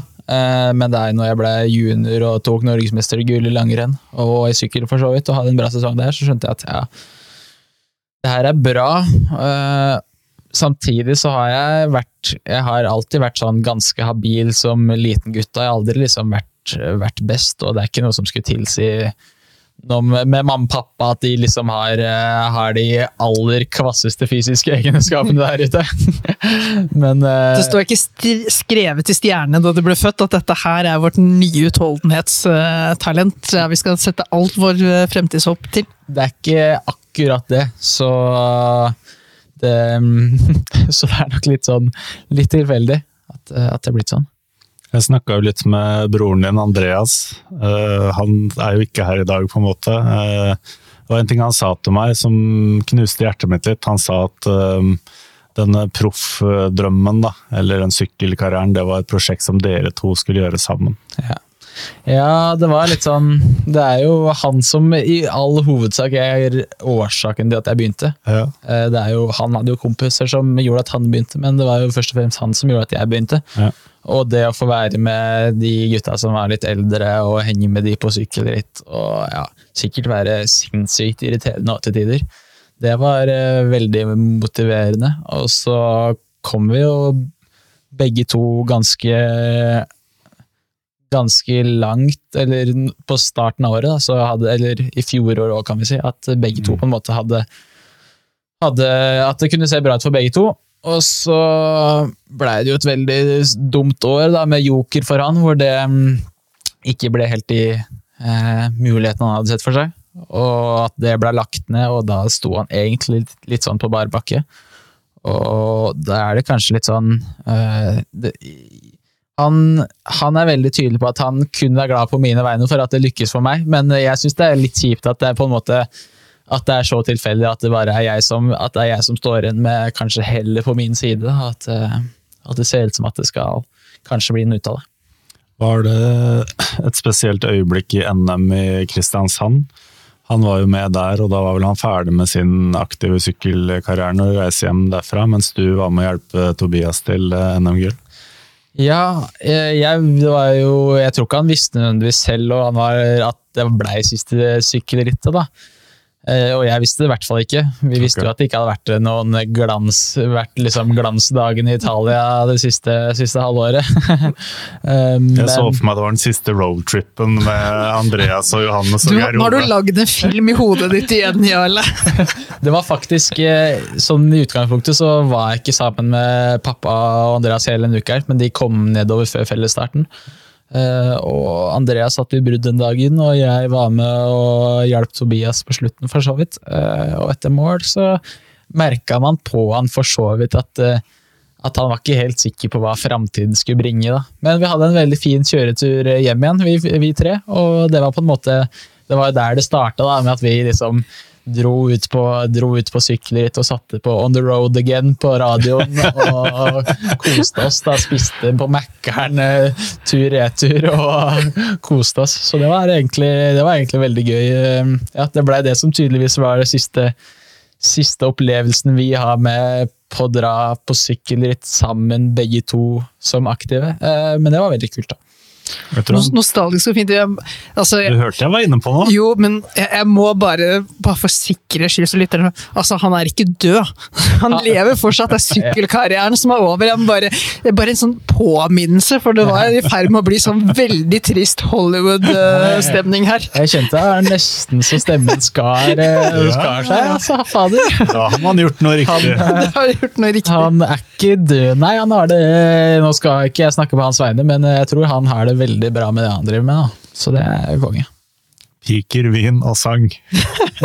Og det, det, det, jeg tenker, det er det som er så fint også, det at man har disse her, en drøm om å gjøre en sånn idrettskarriere, kjøre den parallelt og støtte hverandre, men det går jo an også eh, å ta del av reisen. Én på sykkelen og én utenfor også.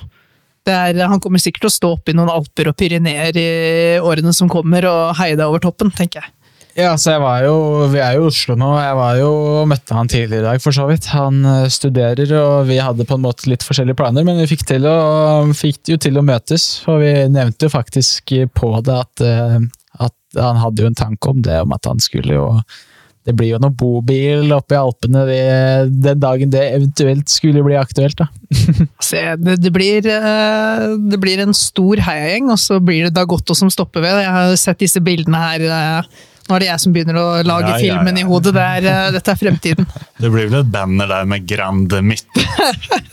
Ja, blir det Grande Mitt, Jarle? Du Ja, har jo det blir virkelig Grande Mitt. du har virkelig låst deg på det, men jeg tenker eh, Vi har jo vært så heldige her å få, få en aldri så liten goodiebag Yes. av vår gjest, som skal deles ut til en heldig lytter. Som ikke bare er heldig, men som er dyktig også. For jeg vil jo utfordre altså Jeg liker Grande Mitte, for all del, men jeg liker ikke at du blir så selvgod når, eh, når du finner på noe som eh, fungerer. Så jeg tenker hvis vi kan finne noe enda bedre, så er det fantastisk. Så jeg tenker en utfordring til lytterne våre. Send inn på Twitter til Gruppo Compatto eh, det beste forslaget på kallenavn på Johannes Staune Mitte. Hva med Dynamittet? Oi, Men hva har du, ordspill, altså. hva har du på Sandgrande Grande Mitte? Hva er det de kjemper om? Skal vi se, da. Annet enn kokosmakroner og Det er en eh, Jumbo Visma-flaske. den, 05 selvfølgelig, siden det er det som gjelder, eh, gjelder naturligvis. Ja, den kan jeg ta, vet du. Den kan du ta. Altså, så er Grande det- leder jo foreløpig. Ja, Foreløpig uten konkurranse. Den der er er altfor alt for liten. Den er altfor liten for meg. Det ser Ja, jeg det håper- blotte Det er bra, det er bra stretching, det. Ok, Ja, stretch. så det er, det er alltid håp. Ja. Alltid håp. Så det er en sykkeltrøye, og så er det et par uh, sykkelhansker og noe sportsernæring. Så det En nydelig pakke. Ja, Altså, dette her er eh, et av de største norske sykkeltalentene. Om eh, noen år så kommer han til å herje Tour de France, og da kan du sitte med trøya hans. Vet du hvem Laurent Fignon er?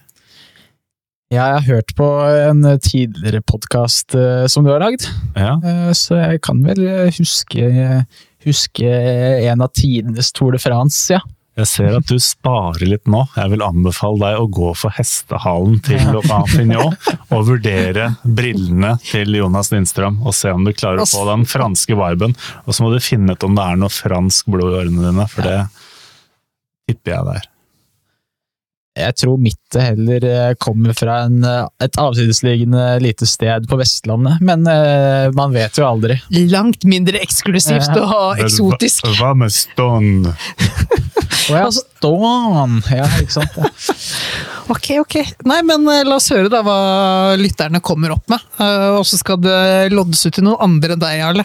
Men du, du kan få lov til å være inne og si om det er bedre enn Grande Mitte. Det kan være at du får beholde det, men du får ikke beholde premien.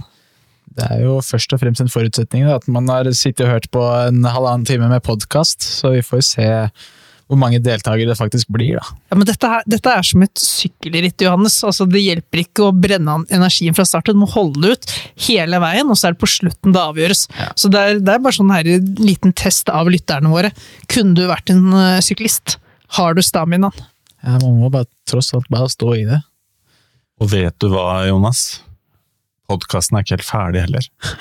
Fordi jeg skal ta en prat med treneren til Johannes Staune Mitte og Head of Development i Umbovisma, Robert Groot, som vi skal spille etter at vi er ferdig med Johannes her nå. Så for de som er sugne på enda mer, og virkelig står distansen, så kommer det en liten oppsummering fra han, og hva, hvordan prosjektet hans jobber, og hva de ønsker i framtiden, og hans store visjon om å bli verdens beste head of development i sykkelverden. Så bra. Men da må jo folk bare lytte til det, og så må vi takke Johannes for at du stilte opp. En nydelig første gjest i studio. Ja, der var vi, det var en bra booking av meg, syns jeg. Det var helt strålende det her. og det er trivelig å, trivelig å få treffe to så kjekke karer og bli servert julebrus og kokosmakroner, så det, det var verdt turen. Nå, nå, det. vet du hvilke studio du skal komme til for å feire Tour de France-seieren i fremtiden. Jeg regner jo med at det fortsatt er kokosmakroner og julebrus som gjelder da. Grand Mittet. Takk for nå, og lytt, eh, lytt på avslutningen vår, da, så dukker vi plutselig opp med en eh, ny episode når du minst venter det. Adios. Ja, Da er det bare meg, Jarle, som sitter her i studio. Jeg skal ta en prat med Robert de Groot fra Team Jumbo Visma Academy. Did I say your name uh, all right, Robert? Yeah, it was really nice to uh, to hear you pronounce that uh, g- g- Groot. How, how Yeah. would you say it? Robert de Groot. Okay, and you are head of development in uh, Team Jumbo Visma. Yes, um, I'm head of development of Team Jumbo Visma. That means that we have um, in our academy we have a community uh, area, and we have a development area for top sports. And I am leading the development uh, surroundings, the development area, the development team. Um, with a special purpose, of course, to um, educate and develop young riders and trying to get them into the pro ranks, preferably in our own World Tour team, of course. And now I'm in Norway and we have a lot of snow and we have 8 degrees below zero. And I know that you are coming to Lillehammer next week to do some skiing. Uh, have you prepared your skis for, for the trip, uh, Robert? Actually, the, the good thing is that we we can uh, afford us to hire some Norwegian people to, to prepare the skis. yeah, we are uh, we are working with um, with Matsus, and they uh, they will um, uh, help us out with uh, with skis, poles, and shoes. Um, uh, we have the experience from from 2019 when we also did this camp. In 2020, it was cancelled because of uh, of COVID. Um, yeah, so we have the experience, and we will uh, we will be we will be completely fine in our equipment. And it's a long camp. It's from the 6th of December until the 17th. Um, could you say what's uh, the main object of this training camp? Is it only to go skiing or is it, you know, uh, social bonding or visit beautiful Norway or? Uh, of course, visit beautiful Norway. Um, the most important thing is that we think uh, cross country skiing is uh, very beneficial to uh, work on um, endurance capacities in endurance athletes. That's the first thing, which is pretty important. The second thing is um, I'm I'm working with with uh, talent ed- uh, development programs, and one of the main subjects in there is that I also have a lot of connection with the with the army, with the the military uh, special forces, and um, that's not to um, to shout at people or to to kill people uh, in in whatever way, but it's more like uh, how do you build a team, and how do you create a situation in which people support each other and work together. And um, that's what we learn from them. And for us, it was next to the physical component of cross country skiing. It was very important, or is very important for us, that we bring the riders into a situation where they have no knowledge and where they have to learn and where they have to help each other because um, they're not common in skiing, they are common in cycling. And if you put them on a mountain bike or on a track bike or you put them on uh, a cyclocross bike or a TT bike, it's still a bike. And that's far more common to them than doing, for example, cross country skiing. And um, this specific part gives us the opportunity to build uh, also on the other relationships and building the team. And um, one of our slogans is uh, winning together, hè? so samen winnen. Yeah. Um, and the, the, the word together means that you build up experiences together. In our opinion, in my opinion, and that's that's a very important reason why we go to this camp in uh, in Lillehammer, uh, and then and then it makes no sense to go there two days. No, then you have to be there quite a while and put some pressure uh, put some pressure on it because everybody can do this for two or three days, but after seven days it starts to hurt.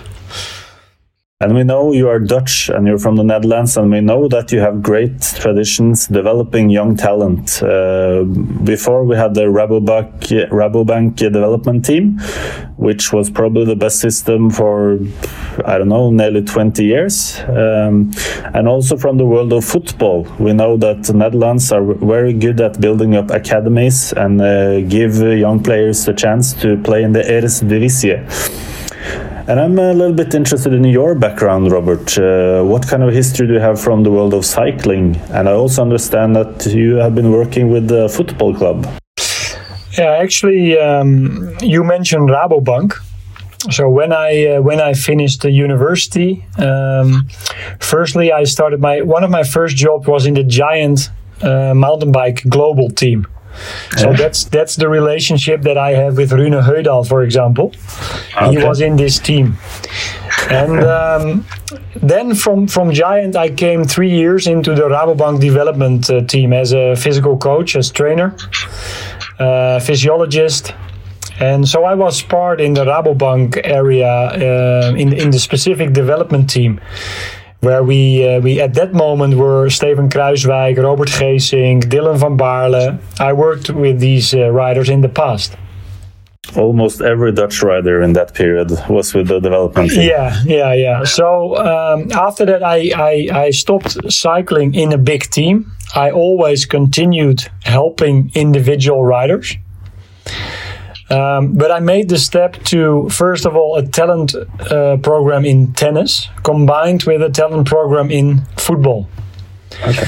And then this came up to a full time working in, in, in soccer, in football, for um, uh, nine years in AZ Alkmaar. And for four years after that in FC Groningen, working together on a big talent program also with the University of, Gro- of Groningen. Yeah. And um, as I still kept always a little bit of contact in cycling, Marijn Zeeman contact me, contacted me in the winter of 2018 that Jumbo Visma was planning to build up a new, a really big new development program and a development squad. And then, um, well, I wanted to move from football uh, this this was a big opportunity for me to uh, to step into cycling again, and that is actually the reason um, why why I could join Jumbo Visma, and I'm the, now the head of the development program. And of course, football is very big in uh, Norway, and uh, we know both uh, AZ Alkmaar and uh, Groningen, as you say. Have you have you worked with Norwegian players in those clubs? Yes, I did. Uh, I remember. Um, First of all, a lot of Scandinavians, but particular Norwegians only, I think. Um, Alexander Surlot. He was in uh, in Groningen, and I don't think, to be on top of my mind, that there were a lot of other Norwegians there. Most of it was was Swedish guys like uh, Tibling, uh, Rasmus Lindgren, uh, uh, Simon Paulsen from Denmark, uh, and and I forget many now because I didn't expect this question. Uh, but um, yeah, the, the, Rasmus Elm, Victor Elm from Sweden, for Yeah, example. yeah, yeah. So um, yes, I'm I'm pretty familiar with uh, with Scandinavian uh, um, athletes. Yeah.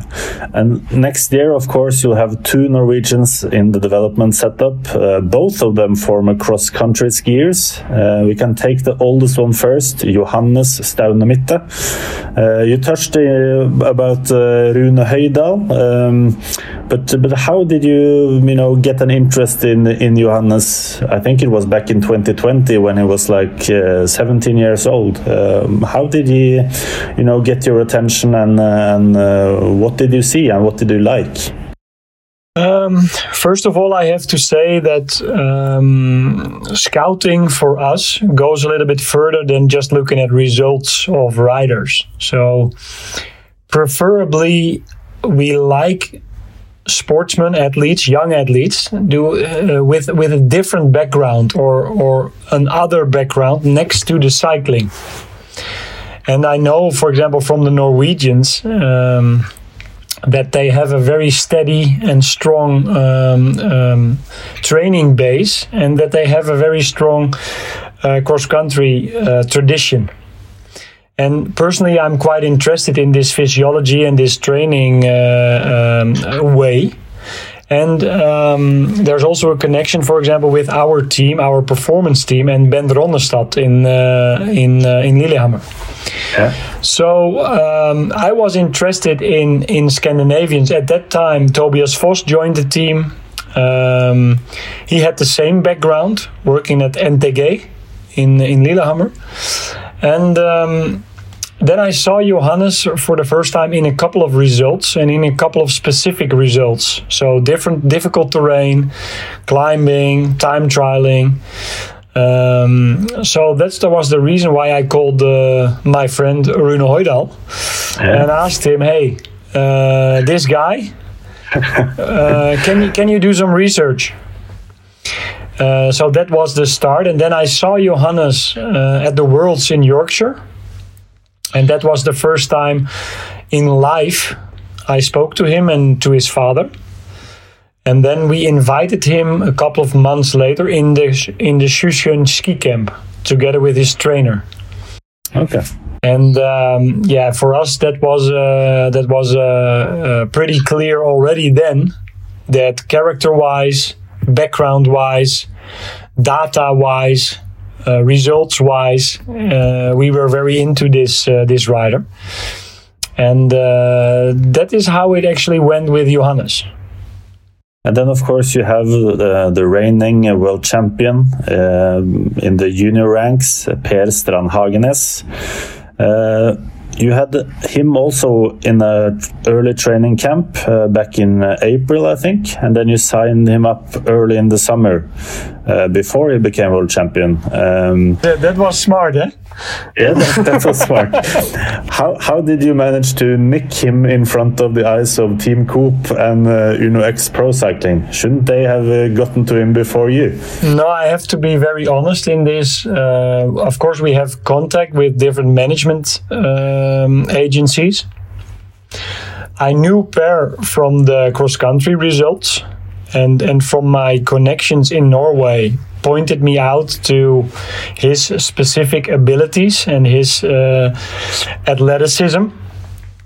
Um, and then together with his agency, um, we we got in touch um, quite early in the in the winter already. So let's say at this time uh, last last season.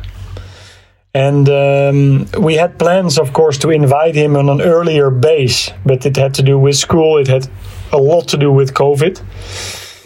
So Yeah. we could not um, organize this before April uh, last season.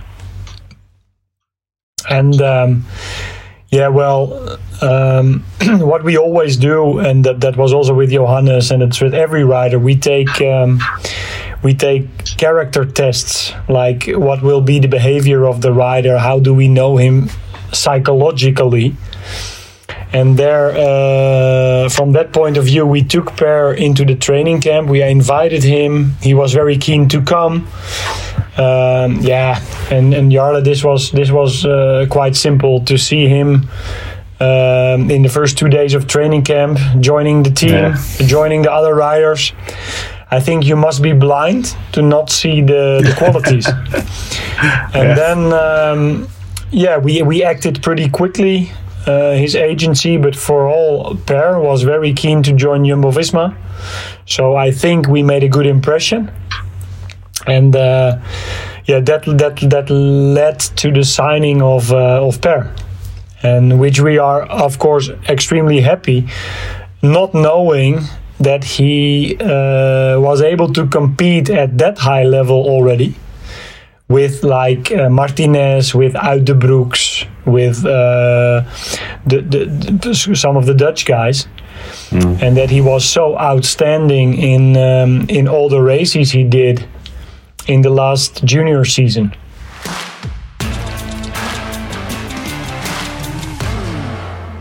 I think that one thing that impresses me is that you have the 2020 season between here, and it could have been a really great season for Norway with both Johannes and Per at the same team um, in the junior uh, team, um, but they didn't compete internationally at all because of the COVID, and uh, so so they didn't have that many results and didn't do that many big things actually. But still, in that period, you you you find them both and and you you sign them so i'm a little bit impressed about that that you find them in in that difficult year Yeah, well, um, it's it's pretty okay. Talent finding talent is is very is simply not easy.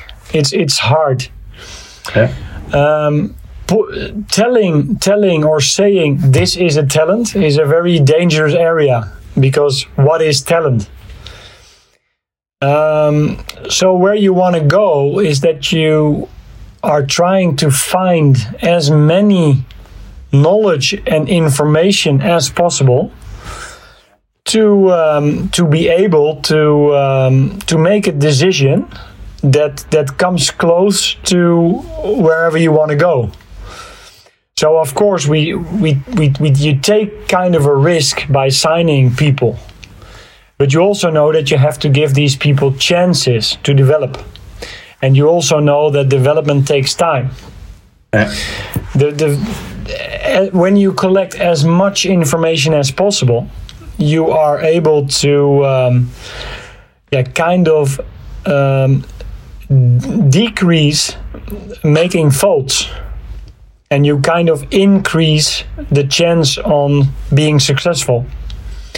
So that is the reason why we collect a lot more information, uh, especially on the personal, on the person Johannes or on the person pair and how you coach these guys or how you not coach these guys. Instead of just saying, oh, he won this race, so he must be good. You, you, so it's very important that you look at backgrounds. To, well, at least that's what I think, and what our team thinks. And we we build a relationship by taking these people into our scene and let's say okay how is he acting? How is he reacting? How is he coping? How does he work together with other riders with staff? What is his reason? Have not only just one conversation but have 20 and see uh, where where where the guy comes from and where he, he's heading to where he wants to go what his ambitions are. And if you if you get collect these in this information you can also see okay this is a rider or this is a young athlete who fits into our way of development. Because of course uh, not every player in football will succeed in Ajax but they might succeed in Feyenoord or in Real Madrid or whatever.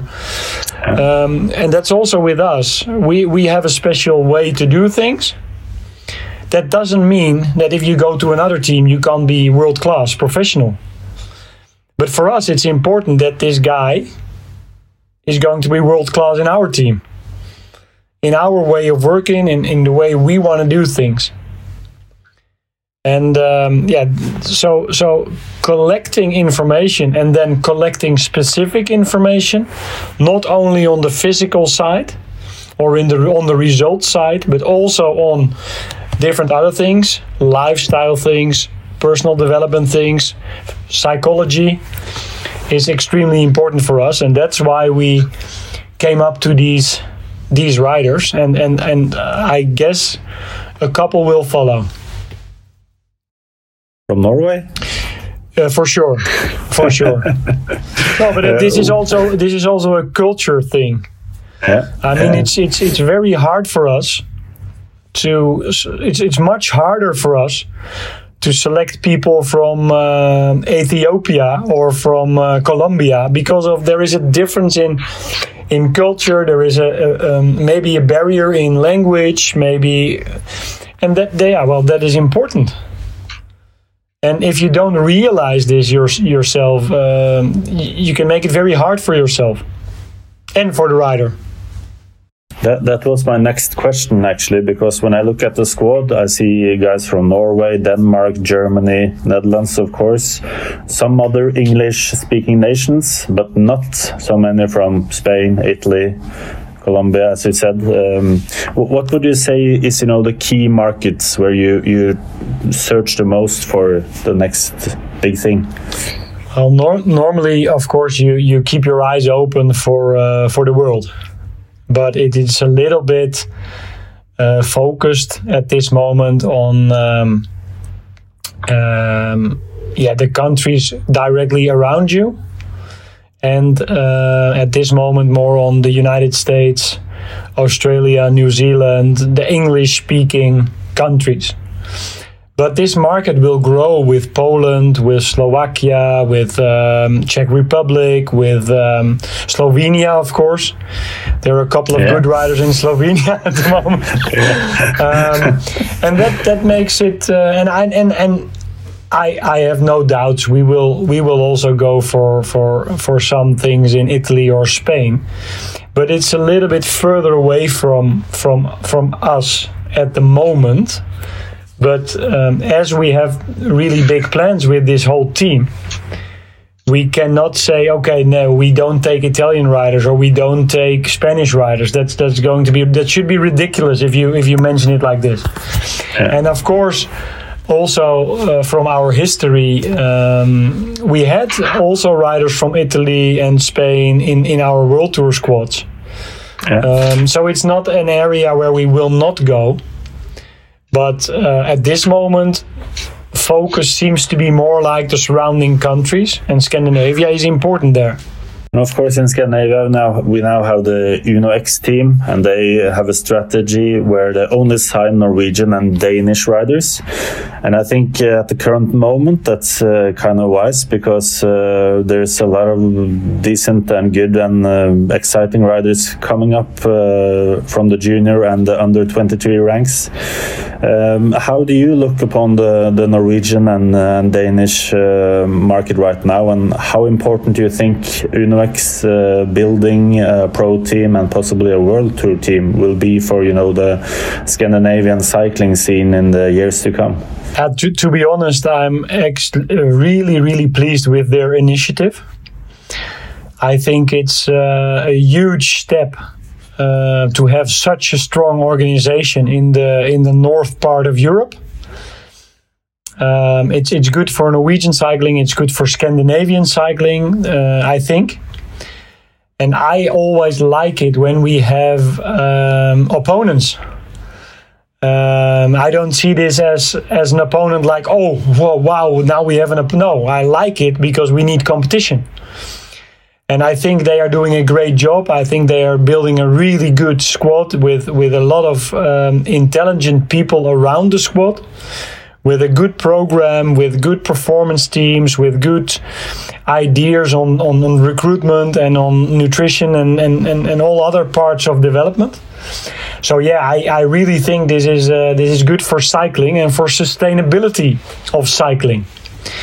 Um, of course, somewhere somewhere we will be also fighting for talent. Yeah well that that that's not different from that we are uh, in in the market with Frances Desjeux or with Bora or with any other good solid development squad. And i think also there there are too many riders uh, so you need teams for them and like i said before Jumbo Visma is not holy or something. It's simply Uno-X can be a lot better for a specific rider, or um, Frances Desjeux can be better for a specific rider.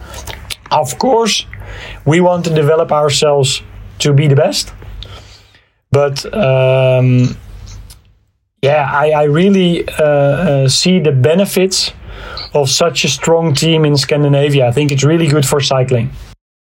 Uh, this year was uh, the first year of uh, Johannes as an under 23 rider. Uh, and now he's currently signed a five year uh, deal with Jumbo Visma. Uh, first with the development team, and then uh, he's going to the World Tour team. Uh, can you tell me a little bit about the background? of course, you were satisfied when you did it, but um, why did this happen now? And um, were there other circumstances who, who made you, you know, shift the gear and him up for a long time? Um, as you know, cycling does not have something like a transfer system. That's that's important to understand. Uh, I think that has to change in the future.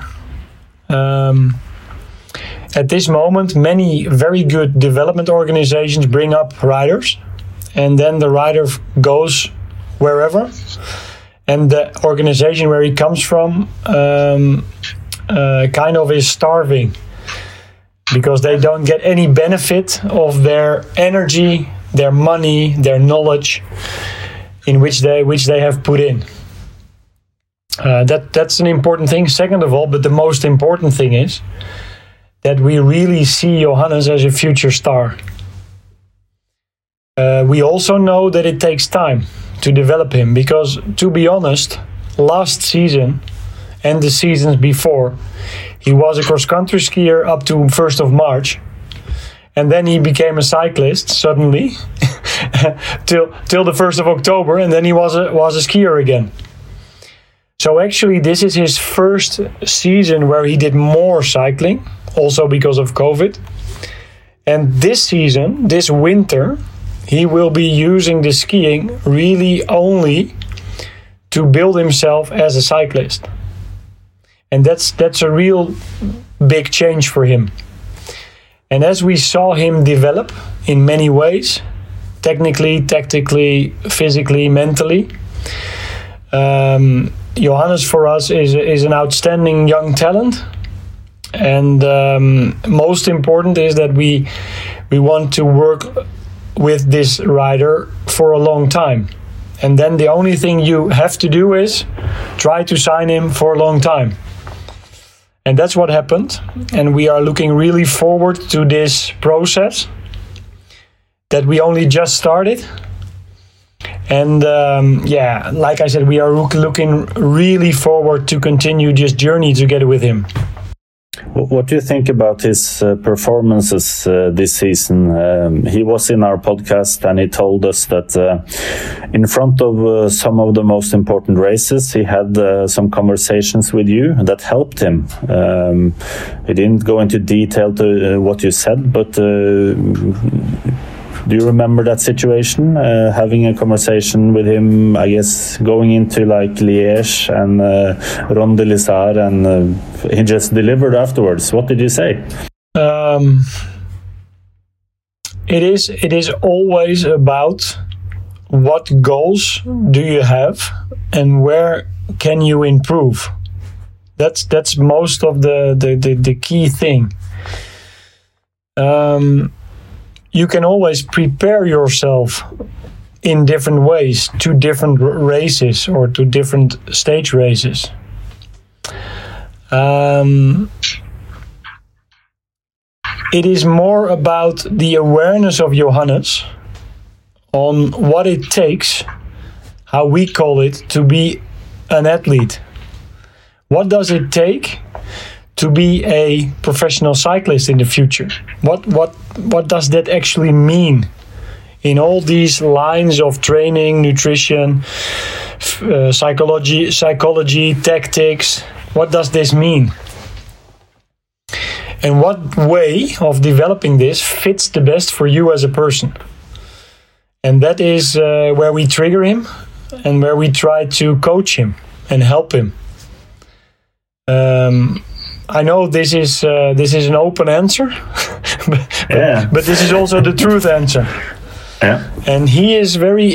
It's very important that the rider himself has influence on the decisions that he makes, instead of the coach telling him go left, go right, go fast, go slow. That makes no sense in our opinion. And I think he he he really made a change in his mindset. How to do this. And there is the big uh, key to um, to his performances. And if you are a first year uh, under 23 rider and you are, are already number four in the Malopolska, which Yeah. was also a, a damn good race of him. Yeah. If you can do the work that he did for Tobias in the nationals, if you are able to lead the Ronde Lizard, where you have a, a bad crash, how you recover from this, and how you support your teammate then to do the overall. Yeah, I think you you you have to be very happy with your performances, and um, I don't see any reason why there will not be more to come. I would say that you have very, two very interesting Norwegian prospects uh, in your team, in Johannes and uh, and Per. Uh, what kind of expectations do you have uh, for those guys in the future, and what kind of riders do you think they will develop into being when they, you know, get into the world tour one day? And Well, um, it's obvious that Johannes is not going to be a world class sprinter. Uh, uh, but then that's probably that's probably also the only thing we know quite sure. Yeah. Um, but on the other hand, there is so much to discover in different areas in, in GC riding, in climbing, in time trialing, in um, classic rides. There's so much to discover. Uh, for Johannes, we know where his um, ambitions are. Uh, but we have to see um, if we go there. But it's no secret that he wants to be in GCs, that he wants to be in hard, long races uh, with different components of climbing, hard courses, time trialing. Um, yeah, well, the main subject is to get better, to be develop, and to see where your real strengths are and especially for Per, this is even more open. Um, per has shown so many different faces that he he doesn't know where these borders are, and we we also don't. But we know that they are uh, impressive. Um, but also, this takes time. How is he going to do next season in races of 200 Ks? Yeah. How is he going to do in races where you have to climb more often? How is he going to do in races where you have 180 um, um, um, kind of anabolic uh, testosterone guys around you fighting for the same positions in the peloton? So that is going to be a learning process first of all, and when you when you get there and when you when you reach this level, you are able to show your real capacities. So it's going to be learning and learning, and and I think uh, knowing these guys quite well uh, already, um, they are quick learners. But but it's it's at this moment it's completely open. Uh, so we are not going to say Per is going to do only uh, classics or Per is going to do only this or no. We bring him into very very different scenarios in very very different races, and um, and we will see where he feels and where we feel we can improve. So that is the I think it's very interesting with Johannes because he, he really is kind of an inexperienced rider, but he just takes these giant leaps already, and that's so impressive. And the other thing with him is that he's such a nice guy. He, has he has you know like the best social skills, and I think that's really important in a group. And for him to fit in a foreign team, that must be you know like uh, a big gift. uh, it's absolutely one of his qualities. It's absolutely one of his qualities.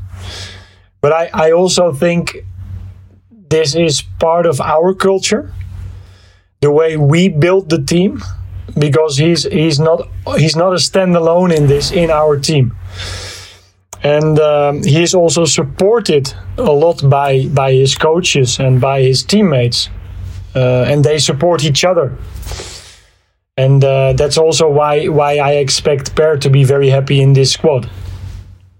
Okay, Robert. Uh, I think I'll uh, leave it at that. So um, then I just uh, want to say thank you for helping us in the podcast. Uh, we'll see you in Lillehammer when you come there, and uh, please do bring some Stroop waffles. Yes, I, I will take stroopwafels and appelstroop. okay, That's an even sounds that's, good. that's also a very good product. yes, we will Okay. organize it. Jarle, thank you for uh, being here. Thank you. Hasta luego. Bye. Gruppo Compato er en podkast fra Sykkelmagasinet. Denne podkasten ble produsert av Medievekst.